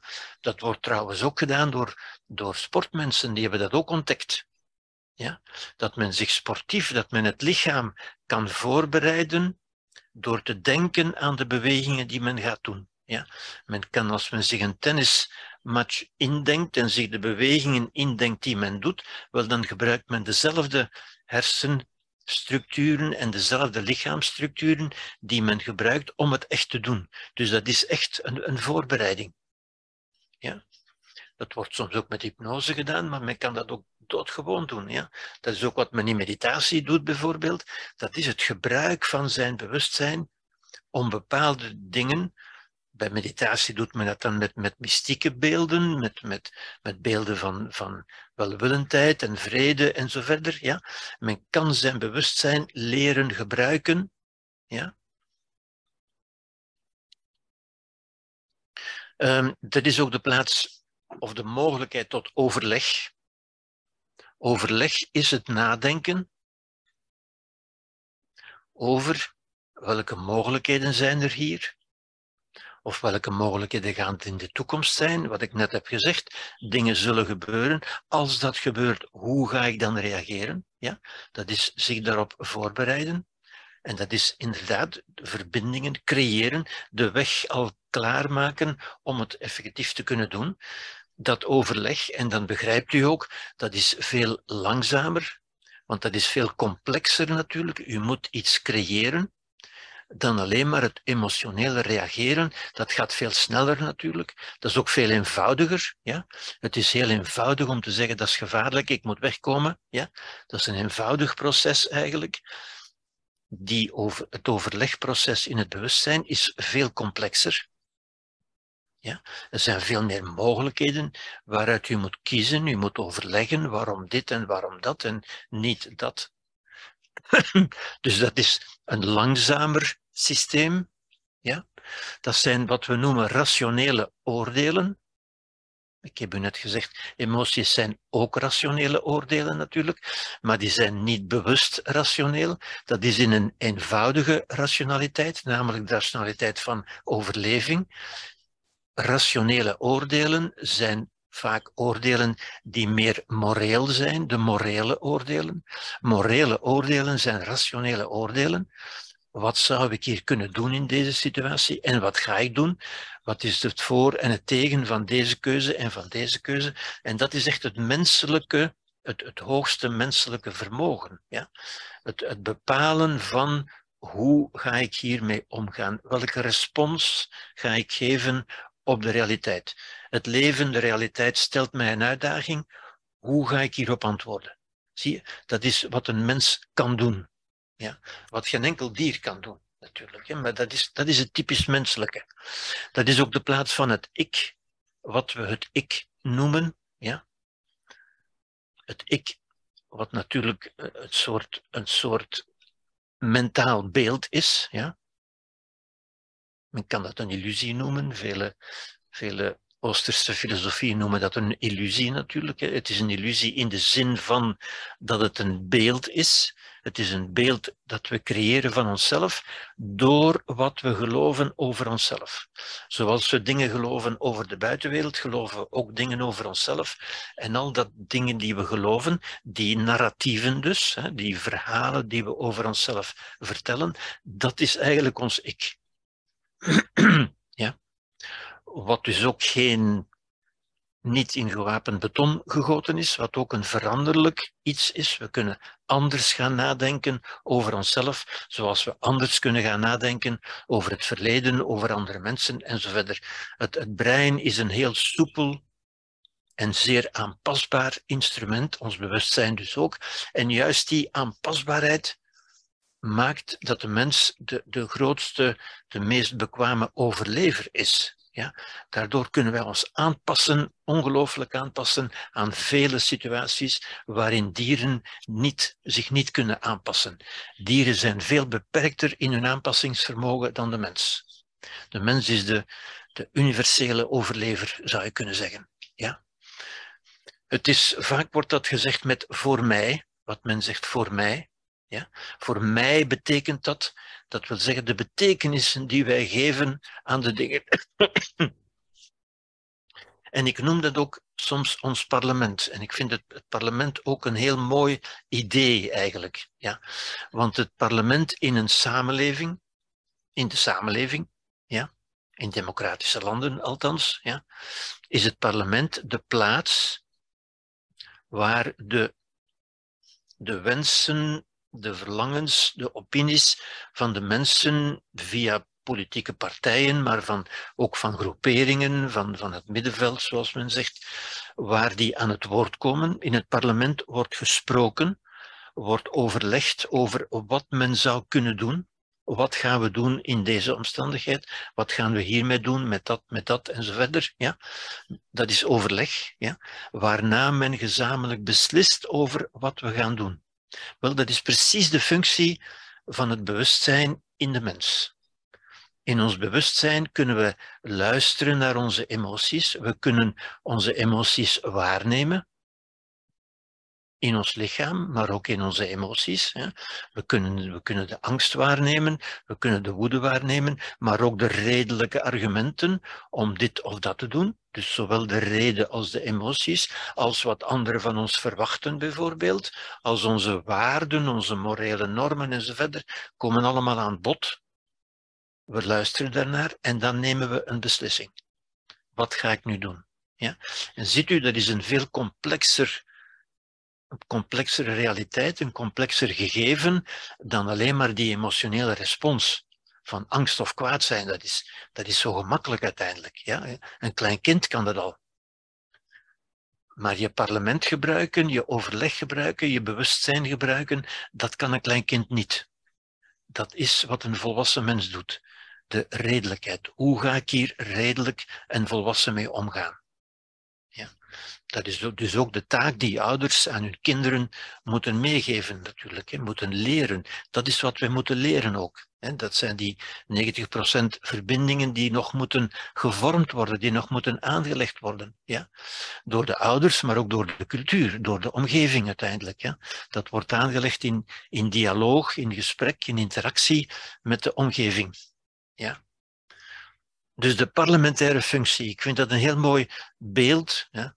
Een beeld dat we ook, ook naar waarde zouden moeten schatten. Ook, ook in het land, in de politiek zelf, wordt het parlement wordt daar vaak minachtend over gedaan. En ik, ik vind dat volkomen ten onrechte. Dat is ons meest waardevolle politieke instrument uiteindelijk. Het enige alternatief is een dictatuur en wat daarvan komt, uh, ja, dat, dat weten we nu ook wel natuurlijk. Ja. En men zegt vaak, ja, er wordt zoveel geparlementeerd en gesproken en zo weinig gedaan. Wel, voor we iets kunnen doen, moeten we erover denken. Moeten we er in het parlement over denken. En het parlement is de, de, meest, de meest waardevolle plaats zou ik zeggen, van, van de samenleving. En mensen zouden zich daar moeten voor interesseren in plaats van er zich van, van af te keren. Zoals we ons ook moeten interesseren voor ons bewustzijn. Ja? Voor ons, ons denken, onze moraliteit, onze waarden, onze normen enzovoort. Ja? Goed, dus dat is de unieke menselijke mogelijkheid. Dat is dus echt het, centrum van wat ons tot mens maakt. Daarin zijn we gelijk aan geen enkel ander dier. Geen enkel dier kan ons daarin evenaren, zou ik zeggen. Heeft die mogelijkheid doodgeboren. Ja, dat is echt onze menselijkheid. Ja.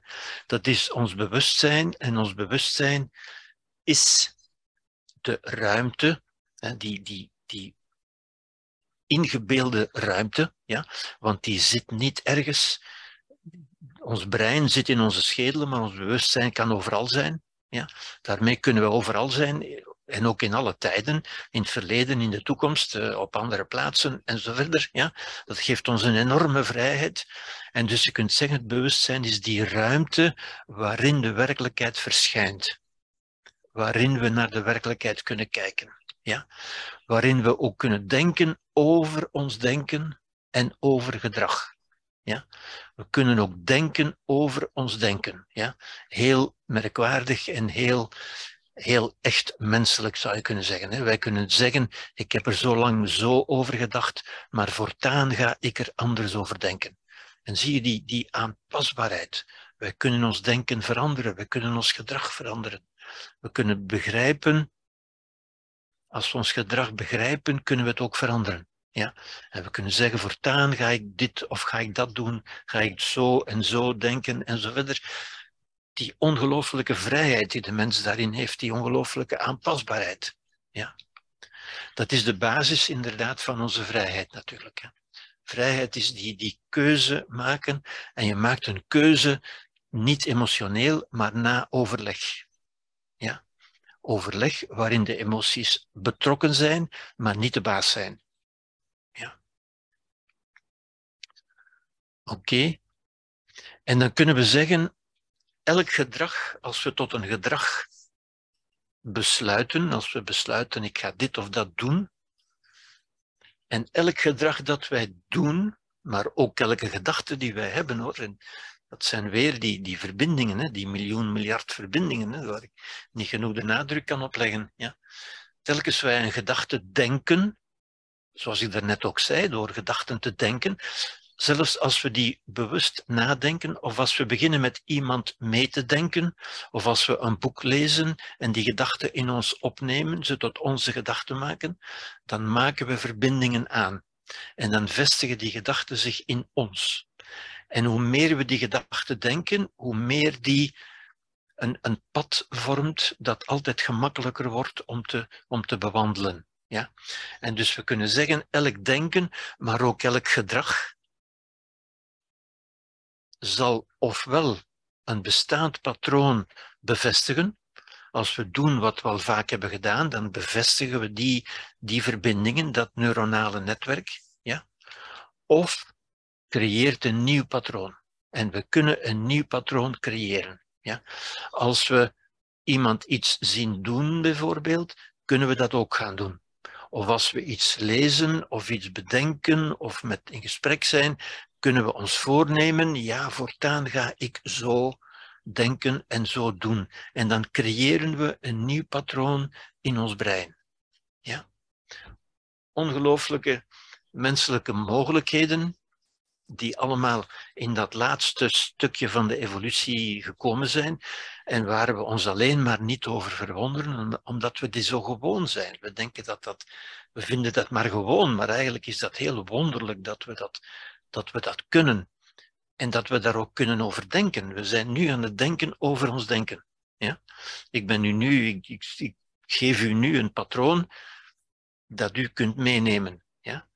Dat is ook wat de taal mogelijk maakt. En door de taal kunnen we heel makkelijk die communicatie, die, die, die bewustzijnsinhouden delen met elkaar. Ja? En u kunt die makkelijk in u opnemen en zeggen, ja, dat is interessant, ik ga dat meenemen.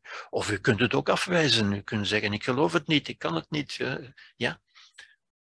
De ongelooflijke vrijheid van de mens uiteindelijk. Ja.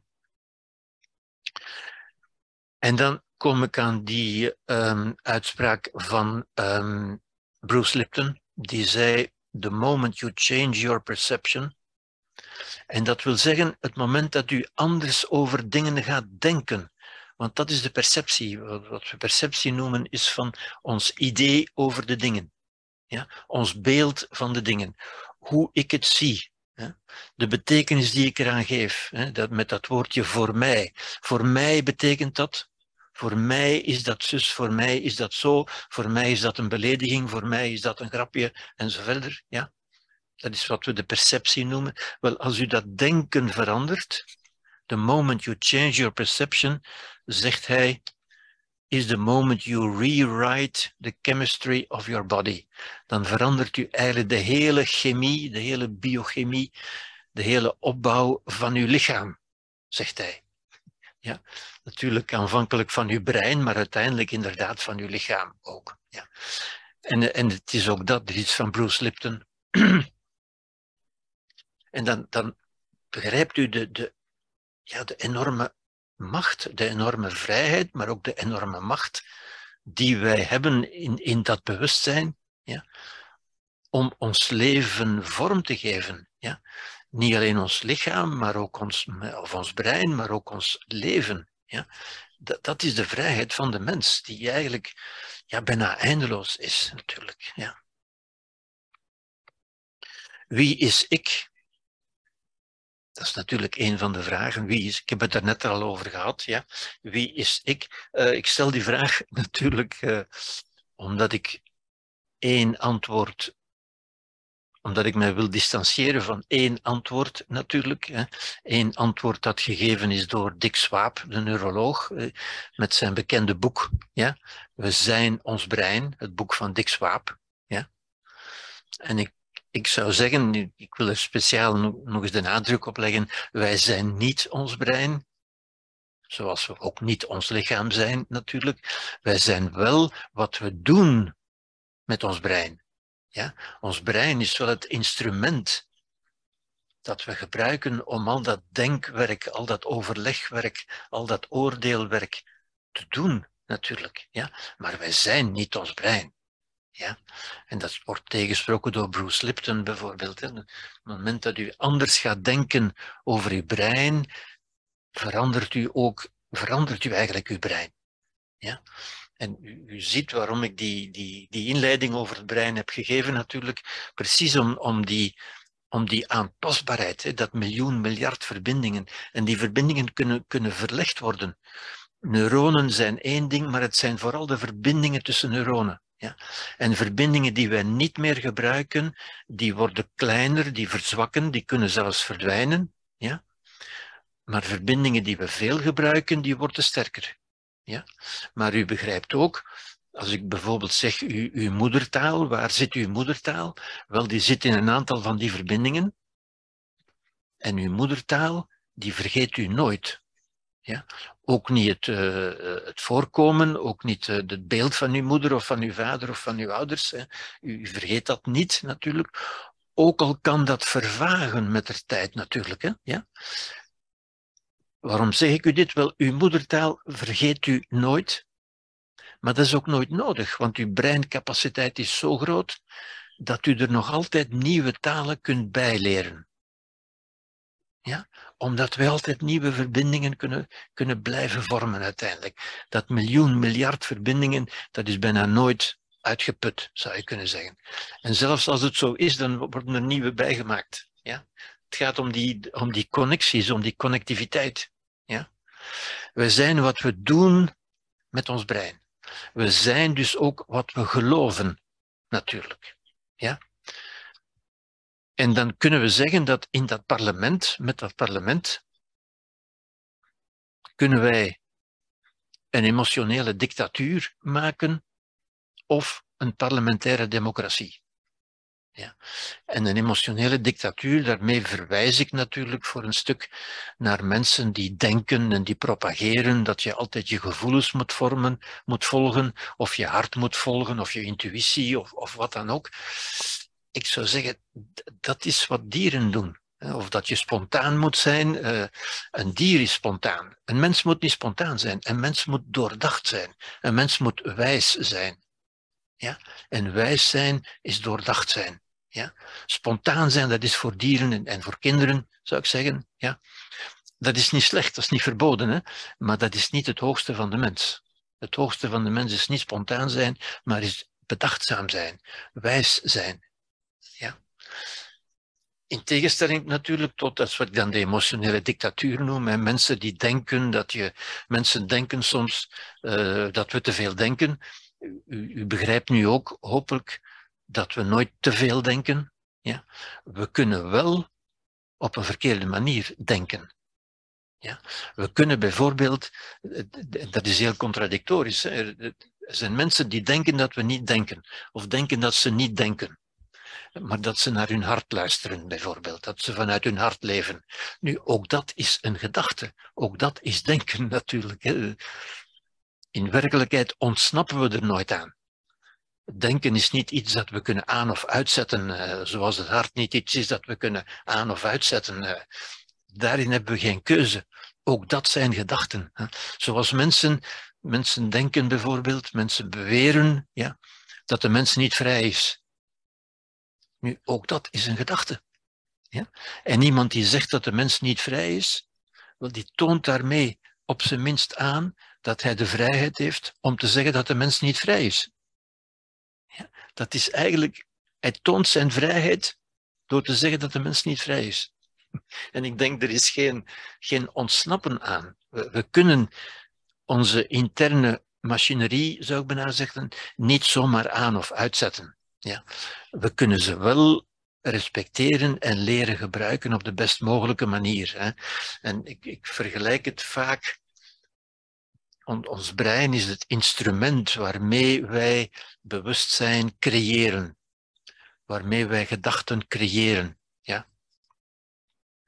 waarmee wij uh, denken over emoties bijvoorbeeld. Ja? En ik, kan toch niet nalaten van er even op te wijzen ook dat, dat emoties toch aan de bron liggen van veel lijden en van veel haat en veel wrok uh, en van veel oorlog ook natuurlijk. Oorlog is altijd emotioneel. Poetin is emotioneel natuurlijk. Net zoals mensen in, in vechtscheidingen. Dat is emotie. Ja? En mensen in vechtscheidingen zijn even medogeloos op hun schaal als Poetin natuurlijk. Alleen hebben ze geen, geen tanks en geen kruisraketten, maar ze doen elkaar evenzeer. Ze proberen evenzeer elkaar het leven zuur te maken als Poetin dat doet. Ja. En dat is emotie aan het werk. Ja. En dan moet je toch zeggen, dat is niet redelijk. Dat is toch niet het beste wat de mens kan doen. Ja. Dat is een gebrek aan redelijkheid. De enige oplossing daarvoor is, denk ik, meer redelijkheid. Ja. Zoals ook de enige oplossing voor, laten we zeggen, vervelende emoties in onszelf. De enige oplossing daarvoor is meer redelijkheid. Nadenken over die emoties, die begrijpen, niet die proberen te bestrijden, want dat gaat niet. Men kan daar ook niet van af. Emoties gaan niet weg. Men kan daar alleen op een redelijker manier leren mee omgaan. Ja. En dat is ook wat we in de volgende lezingen gaan doen. Natuurlijk, daarover gaan we het hebben. Maar dit was denk ik toch de noodzakelijke basis om daar op een redelijke, op een volwassen manier te kunnen over nadenken, zou ik zeggen. Ons brein, dat heb ik ook al gezegd, ons brein bevindt zich in de schedel, maar onze geest kan overal zijn. Ja. En, en dat is waar het over gaat, hè, over de geest. Dat is spiritualiteit. Spiritualiteit is het gebruik van de geest. Ja. En dat doen we met ons brein, maar de geest is niet het brein natuurlijk. Ja. We creëren geest door ons brein op een bepaalde manier te gebruiken. Ja. Goed. Ja, ik heb het hier nog heel eventjes samengevat. Uh, en daarmee ga ik dan de avond besluiten. Dus dit is opnieuw dat brein. Ik heb er nu een lichaam bij getoond. Ja. Het is kleiner, niet omdat dat kleiner is, maar omdat het niet is waar ik het hier nu wil over hebben. Ja. Maar dit is dus ons brein dat voortdurend dat begrijpt u nu beter natuurlijk, informatie opneemt uit de buitenwereld, daar iets mee doet. Dat iets doen, dat is wat we denken noemen. Ja? Of het nu emoties zijn of, of bewuste gedachten. Het is allebei denken en daarmee doen we iets aan ons lichaam. Ja? Dus we nemen iets op uit de omgeving, we nemen dat op. Ja?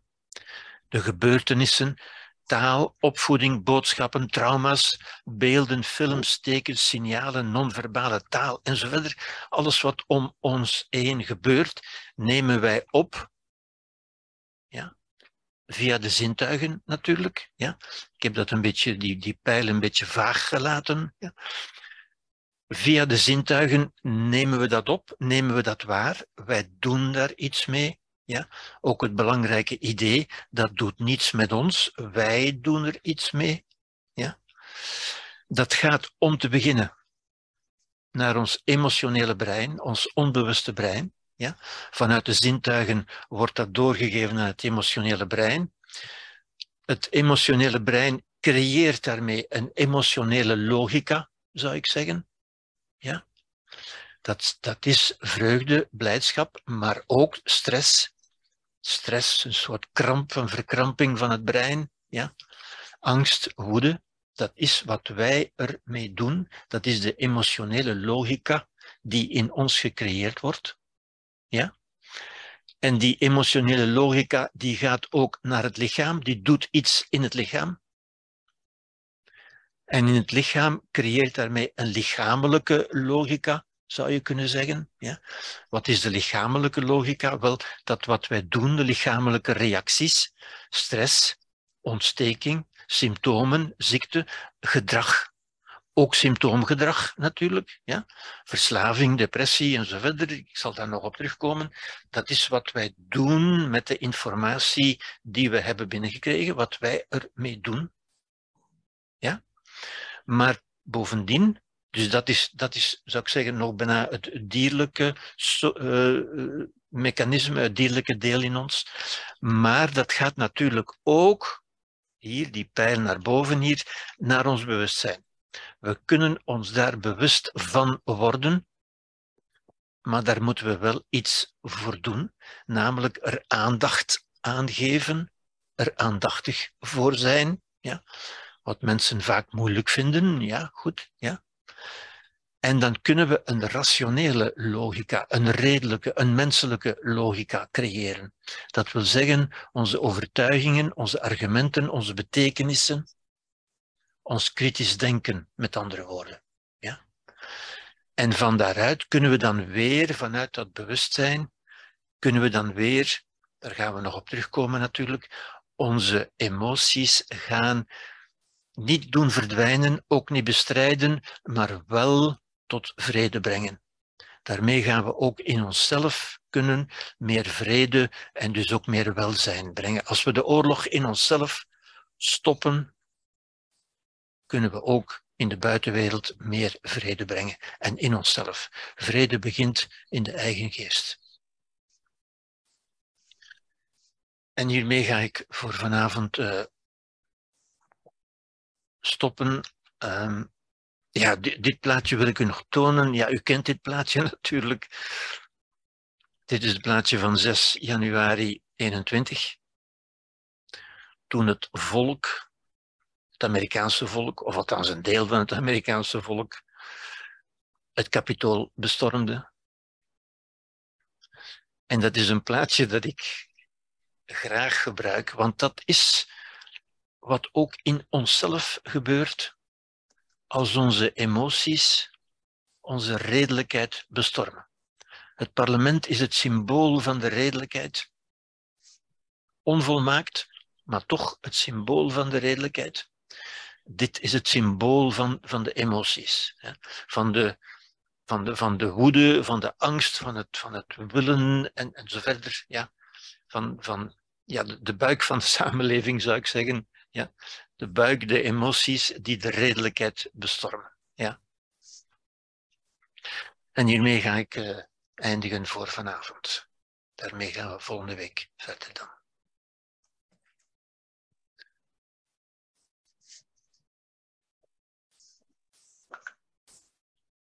En daarmee wil ik uh, nog wat, hebben we nog wat tijd over, zie ik, waarmee we um, waarmee ik op uw vragen wil ingaan, als die er zijn. Uh, misschien wil u er ook even nadenken. U kan uw vragen ook bewaren voor de volgende keer natuurlijk.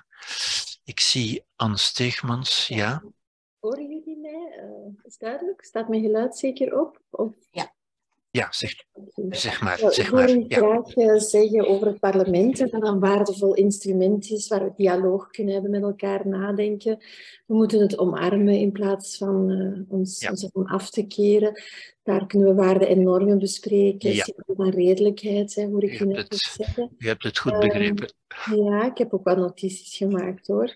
Um, nu, stel in geval van, u zegt ja, oorlog, ja, als we aan Poetin denken, ruzie, uh, echtscheiding, voor alle ja. duidelijkheid, ik zit daar niet in, maar, maar toch, hè, eh, laat het ons hypothetisch stellen, is ja, er ja. een gebrek aan redelijkheid. Hè? Ja. Um, maar u kent wel mensen die erin zitten. We kennen allemaal nee, mensen zelf, die erin ik zitten. Ik heb zelf een conflict, maar nu niet echtscheiding of oorlog of wat dan ook. Er is ja, ja. vast een issue bij mij. Ja. Ik vraag me dan af, um, wat als je zelf alles al hebt um, bewandeld op vlak van redelijk zijn, maar als er geen dialoog mogelijk is. Ja, dat is waar. Dat is waar. Als je nadenkt over oplossingen, je kan niet blijven nadenken en je laten bijstaan door nadenken en door hoe, hoe, hoe moeten we hier uit geraken. Ja. Als dan natuurlijk aan de andere kant van de Ja. tafel, Ja. uh, hoe vredevol het ook is langs, langs mijn kant, als er geen dialoog mogelijk is, Ja. als je eigenlijk Ja. stuit op, het, op een zwijgen, wordt u opgelegd vanuit een hogere, Ja. ja. vanuit een hiërarchie uiteraard. Hè, daar gaat het vaak over.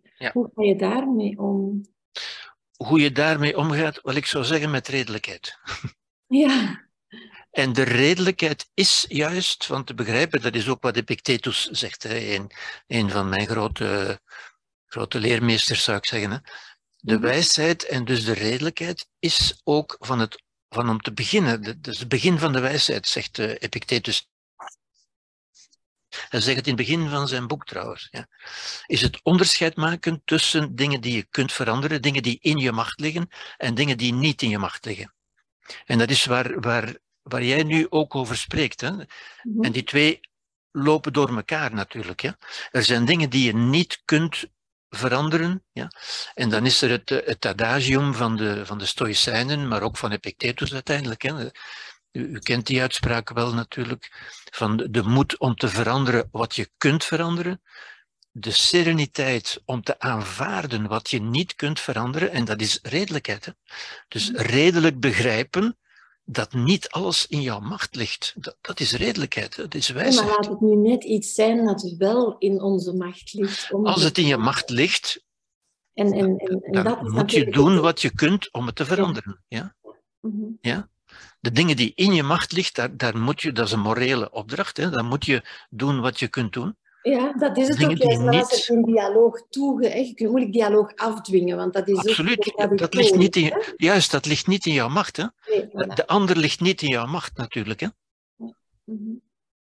Maar jouw reactie wel. Je, je- jij kunt in vrede blijven, ook als de ander oorlog predikt, zou ik zeggen. Hè? Ja?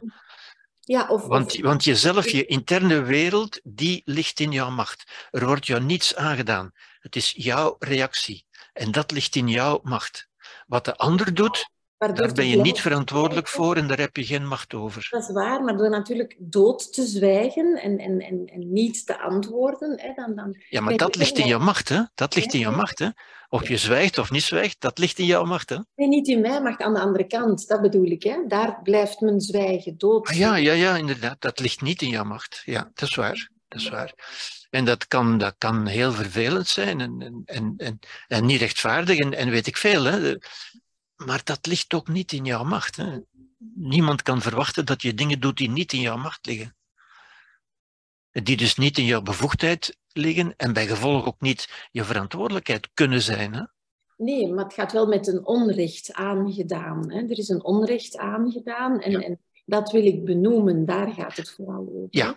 Ja, ja, dat is waar. Dat is waar. Nu, de redelijkheid is te, te, te begrijpen natuurlijk hè, dat de wereld vol onrecht is. Hè. Mhm. Om te beginnen, de natuur is vol onrecht. Hè? Ja? Als een leeuw een, eh, een Thompson-gazelle pakt, dan is dat voor die gazelle onrechtvaardig. Hè?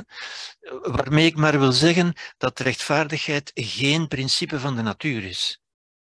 Maar de mens kan natuurlijk dat als waarde stellen en dat proberen te promoten. Ja? Maar dat komt niet vanzelf.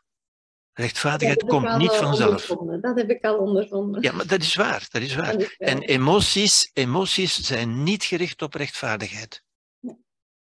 Maar Nee. wel op overleven, pakken van mij en zo verder. Ja, Mhm. Dank u wel. alsjeblieft. Ja, het, het is een belangrijke vraag hoor, Anne. Eh, de vraag moest natuurlijk komen, is dat. Maar het is ook belangrijk om daarover na te denken. Mhm. Maar ik denk ook, ook daar moeten we redelijk aanvaarden dat, dat niet alles in onze macht ligt. En dat is een principe van redelijkheid. Hè. Een klein kind denkt nog dat alles in zijn macht ligt.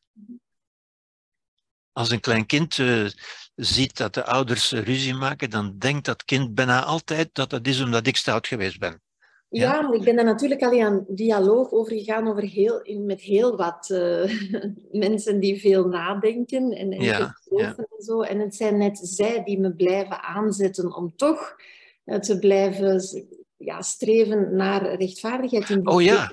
Omdat het net in onze macht ligt en omdat het net wel aan ons is om, om dit te blijven benoemen, dat dit niet hoort, Ja. dat dit niet kan, enzovoort, enzovoort. ik ben het ermee eens. Het, Ja, het het is ligt, heel moeilijk om, om, ja, om Ja, daarmee om te gaan, om altijd het zwijgen opgelegd te worden, puur omdat er zoveel regels en, en, en Ja. toestanden zijn Ja. gecreëerd, waardoor het- het- ze elkaar kunnen Ja. verstoppen achter raden van bestuur en, en dergelijke meer. Dat, dat, dat is waar, dat is waar. En dan ziet u ook hoe complex morele beslissingen zijn. Hè? Ja, Daarom is dat ook ons trage denken natuurlijk. Een emotionele reactie is veel gemakkelijker natuurlijk. Hè? Maar een morele reactie vergt nadenken en, en overleg en rekening houden met al die aspecten. Dat, dat is zo. En u hebt gelijk, eh, het is zo, we, mogen, nee, we moeten daar blijven naar streven. Mhm. Maar het blijft een streven. Ja, tuurlijk. Het, het moet het op een En je hebt ook gelijk, we zijn als mensheid. Maar daarom, ook, ook daarom zeg ik vaak, ook, ook daarom heb ik er de nadruk op gelegd, de mens is nog een jonge soort. We zijn ons nog niet zo heel bewust van wat we allemaal doen en wat we allemaal aanrichten in feite. Hè? Ja. Maar inderdaad, als mensheid, als we als mensheid redelijker zouden worden, zou de zaak een heel anders zijn natuurlijk. Hè? Dus er is, er is een tekort aan redelijkheid. Ja? Dat denk ik ook, ja. Ja, ja, absoluut. Maar ook daar moeten we redelijk mee omgaan en, en, en begrijpen dat niet alles in onze macht ligt. En dat ons daarover ongelukkig maken ook niemand helpt. Mhm. Nee, maar slachtoffers voorkomen in de toekomst kan wel mensen helpen. Als dat redelijk kan, ja, als dat, kan. kan als dat kan, zeker, zeker, absoluut. Als je het gevoel hebt dat dat wel in je macht ligt, maar hè, niet wordt ontvangen, dan is dat een, een ontzettend moeilijk. Ja, maar dan ligt dat juist niet in je macht. Hè? Hoe het ontvangen wordt, ligt niet in je macht. Hè? Nee, nee, nee. nee. Ja, ja. Ik weet het. Telkens op die muur stuiten is zo moeilijk. En, en, inderdaad, ik begrijp dat dat... Eh, heel uw uitleg van het ligt wel in onze macht om, om, om te leren omgaan met die, uh, ja. met die reactie van ons en om dat, ons die patronen eigen te maken, om dan de rustig, voor alle duidelijkheid, ik ben niet in oorlog gegaan, ik ben vredevol, maar, maar ook zelfs in het vredevol blijven, um, ja, heb ik het moeilijk om, om, om redelijk te blijven in de ja. reacties. Hè? Ja. Dus nog een lange weg te gaan in redelijkheid. Mm, ja, ja dat, dat is het, het aanvaarden van, het, van de onvolmaaktheid van de dingen. Hè? Mm -hmm. Gerbert, ik denk dat uh, Henri daar een heldere vraag bij wil ah, stellen. Henri, ja. ja. ik, heb, ik heb een vraagje in de chat gestoken, maar ik denk, ik veronderstel, dat is een gedachte natuurlijk, um, dat dat in de komende sessies gaat aan bod komen. Wat ik, wat ik eigenlijk had geschreven is, ja, ik zie het. Ik wat, zie wat, Jij, wat, jij, wat jij nu hebt gedaan, is een heel kader getekend. Ja. Of een schema gemaakt van hoe we functioneren als mens. Ja. En, en eigenlijk ben je dan aan het vertellen van... Oké, die emotie, die angst... Laten we dat een emotie noemen. Ja, angst. Misschien een, een, een oeremotie. Mm die kan ons soms zo sterk in haar greep hebben, dat het bijzonder moeilijk is om traag te denken, om mm rationeel te denken. Dus een beetje, allez, ik heb de indruk dat wat Anne net aan het vertellen was, ook iets in die richting gaat van hoezeer ik redelijkerwijze ook besef dat ik daar geen greep op heb en daar geen vat op heb en daar geen macht op heb, in mijn gevoel vind ik dat ik daar greep en vat op zou moeten kunnen hebben. En dat is um, heel moeilijk om dan... Hier onderbreek ik je, want dat is geen gevoel. Dat is al een oordeel, dat is al een gedachte. Dat is een gedachte. Ik zou moeten, dat is een gedachte, dat is geen gevoel. Oké.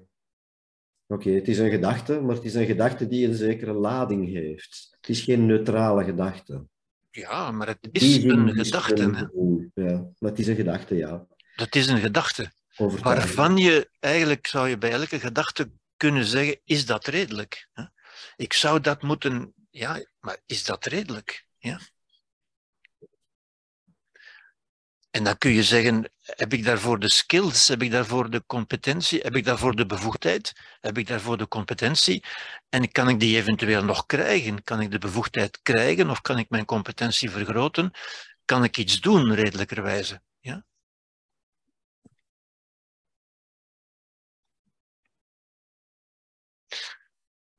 Hmm. Maar ik denk, uh, ik, als ik je vraag zie, als je in de greep zoals je die schrijft, in de greep van angst of woede. Ja? Nu, dat, dat, is, daarom heb ik dat laatste plaatje getoond. Hè? dat, zijn de, dat zijn de emoties, en dat kan inderdaad gebeuren, hè? die je overspoelen. Maar dan is dat niet de gedachte, ik zou moeten, want dat is een gedachte, maar dan word je overspoeld. Ja? Dat is het verschil tussen een, een kind en een volwassene. Een, een kind die angstig is of die kwaad is, die is helemaal angst of woede. Een volwassene zou moeten zeggen, ja, vanuit zijn parlement, hè, Hmm. van er is angst in mij of er is woede in mij, maar ik ben niet angst of ik ben niet woede. Dat is niet wat ik ben. Maar er is ook angst in mij. En dat is ook weer redelijk aanvaard je dat die angst, dat dat nooit zal weggaan. Dat het altijd erbij zal zijn, dat dat een aspect is van het leven. Daarom heb ik dat ook getoond. Hè? En dan begrijp je ook dat dat zal niet weggaan. Want dat is een oerinstrument, zou ik zeggen, ja. Een oermanier van leven. Daarom is het zo belangrijk van te beseffen, die, die hele voorgeschiedenis zit nog in ons. Die is nog actief in ons.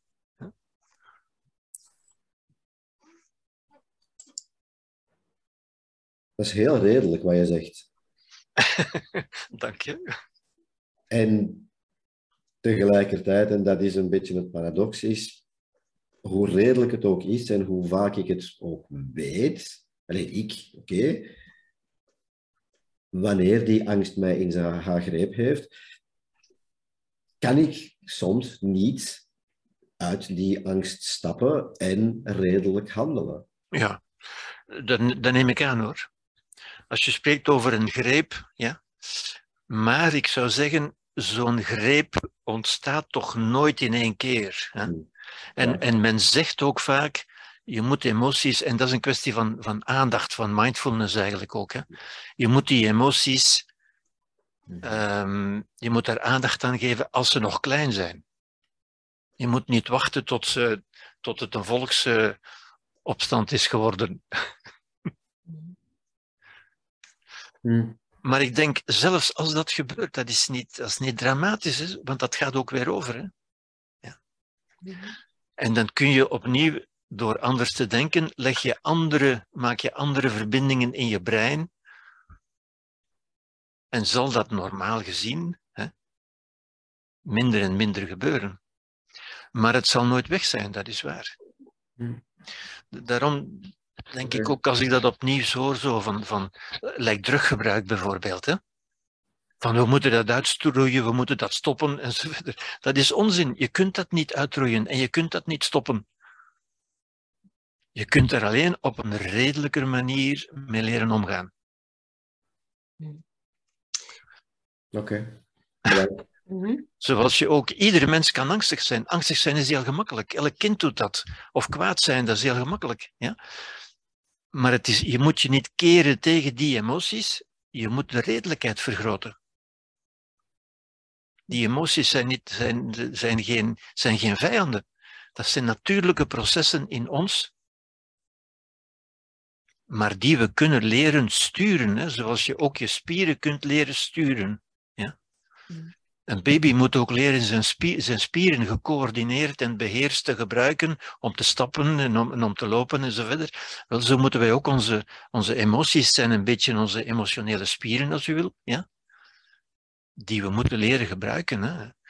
Ik gebruik vaak het, de, de metafoor ook van een instrument. Hè? Een, een viool heeft maar vier snaren, maar je kunt er eindeloos veel melodieën op spelen, maar dat is wat je ermee doet. Ik zou er heel graag Marie-Roos even bij halen, want ze heeft haar vraag op een andere manier nog gesteld. Ja? Uh, is dat oké, okay, Marie-Roos? Ja, ja, dat is prima. Ja. Um, wel, als ik het, ja, mijn bedenking, of een van de bedenkingen bij het aanhoren van de lezing, is toch wel dat uh, door de verschillende snelheden waarmee die twee verschillende breinen werken, uh, dat het bijzonder moeilijk is om dat emotionele brein toch bij te sturen. Omdat dat sowieso sneller werkt dan het nieuwere brein. Dat is waar, dat is waar. Maar dat is ook een kwestie van gewoonte hoor. Van daar aandachtiger voor te zijn, van je nieuwe brein meer te stimuleren en van die emotie meer van op afstand te bekijken. Die emotie krijg je niet weg en die is snel, dat is waar. Maar je kunt er eigenlijk ook onmiddellijk de gedachte opzetten, moet ik dit volgen? Ja. Is dit wel wat ik wil doen? En dat is ook een kwestie van, van, van dat tot een gewoontepatroon te maken, hoor. van de, de verbindingen aan te leggen, waardoor dat er snel is. Door dat meer te doen, wordt dat gewoner, wordt dat normaler. Ja? In onze samenleving, in onze cultuur, in de natuur, moesten we vaak heel snel optreden om, om in leven te blijven. Als we door een leeuw of door een tijger achtervolgd werden, ging het om snelheid, inderdaad. Ja. Maar in onze cultuur, die zo beveiligd is en zo, komt dat uiterst zelden voor. Dat we echt snel moeten reageren. Ja. En kunnen we eigenlijk altijd de tijd nemen om eventjes na te denken. Is dit wel redelijk? Het gedrag kunnen we misschien proberen uit te stellen. Maar de reactie van het lichaam is er toch. Als je de emotie anders stuurt, reageert je lichaam ook anders. Je lichaam reageert alleen maar op je emoties. Hè? Je lichaam heeft geen eigen bedoeling of geen eigen wil hoor. Dat is louter het uitvoerend instrument van de, van de emoties. Hè? Je leert dan op afstand kijken naar je eigen emotie. Ja. Zo ja. ja. Ja. En dat bepaalt onze vrijheid. dat bepaalt? De vrijheid, de keuze die we dan hebben. Van ah, natuurlijk, ja, natuurlijk, natuurlijk. Mhm. Maar die emoties zijn geen vijanden, hè? Dat, zijn, dat zijn onze vrienden, die willen ons helpen eigenlijk. Hè? Maar hun hulp is niet altijd nodig. Mm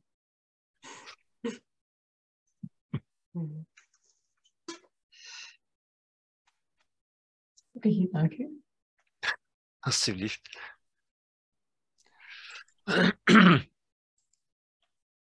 Zijn er nog vragen? Ja, Hans?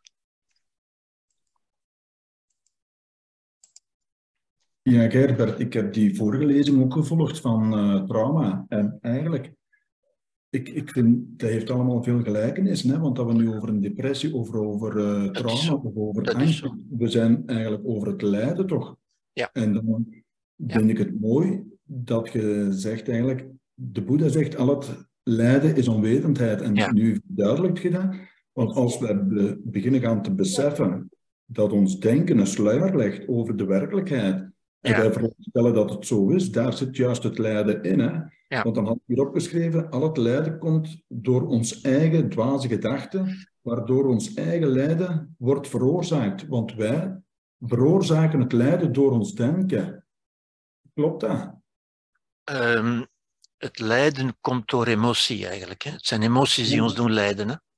Ja, maar je zegt toch... Maar omdat we daar niet redelijk mee omgaan, en ook omdat wij denken en omdat ons ook voortdurend gezegd wordt dat het lijden normaal is en dat de gebeurtenissen ons doen lijden enzovoort, dat, is, dat krijgen we voortdurend te horen. Gaan we dat ook normaal vinden? Maar eigenlijk is dat, is dat niet zo normaal. Ja? De, de, de echte wijsheid, een Boeddha die lijdt niet. Hè? Tolle zegt je lijdt tot je begrepen hebt, redelijkheid, tot je begrepen hebt, dat lijden niet nodig is. Ja? Als je ook dat lijden in jezelf kunt zien, en dat zijn natuurlijk die emoties, hè, die beginnen met, met, met nee, dat wil ik niet, dat kan niet, dat mag niet, dat is niet rechtvaardig, en zo verder. Ja? Dat is de emotie. Hè? Maar, onze emoties... maar daar kun je ook redelijk mee omgaan. Hè? Mhm. Maar onze emoties heb je ook niet gezegd dat we die kunnen, die kunnen we toch sturen door onze gedachten? Omdat onze emoties meestal niet komen van de buitenwereld, maar van de binnenwereld. Daardoor kunnen we ze sturen. En dan kun je inderdaad gaan afvragen, ja, wat heb, wat heb ik? Zolang je de buitenwereld beschuldigt en zegt, ik leid omdat hij dat gedaan heeft, ja, dan, dan verklaar je je machteloos. Want als het echt van hem afhangt, dan maak je je afhankelijk van Hem. Als je beseft dat je lijden uit jezelf komt, dat is uiteindelijk wat de Boeddha ook zegt natuurlijk, hè?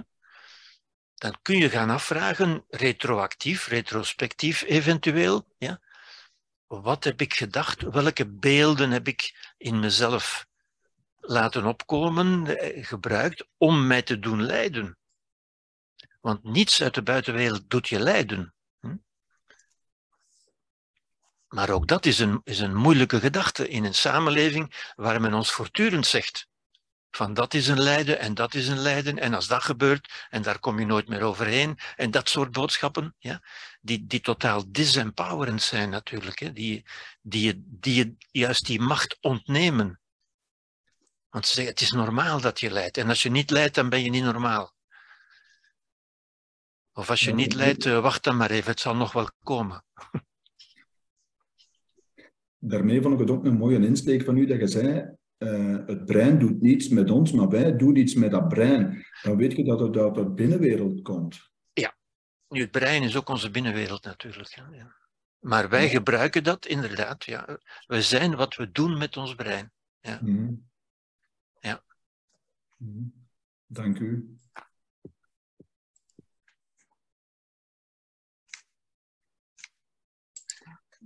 Ja. Zijn er nog vragen? Het, het zijn de vragen die gesteld worden. Nu, we hebben nog twee lezingen te gaan en uh, sowieso is de, zijn het al zeer pertinente vragen die op de essentie van de dingen gaan. Dat, dus het lijkt me zeer veelbelovend voor de twee lezingen die nog gaan komen. Ja. Inderdaad, dat is de essentie. Mm -hmm. Ja. ja. Dan danken we jullie voor je aandacht en die heldere, spitse vragen. En uh, wees niet te bang die volgende week. Hè? Tot volgende week. ja, dag. dag. dag.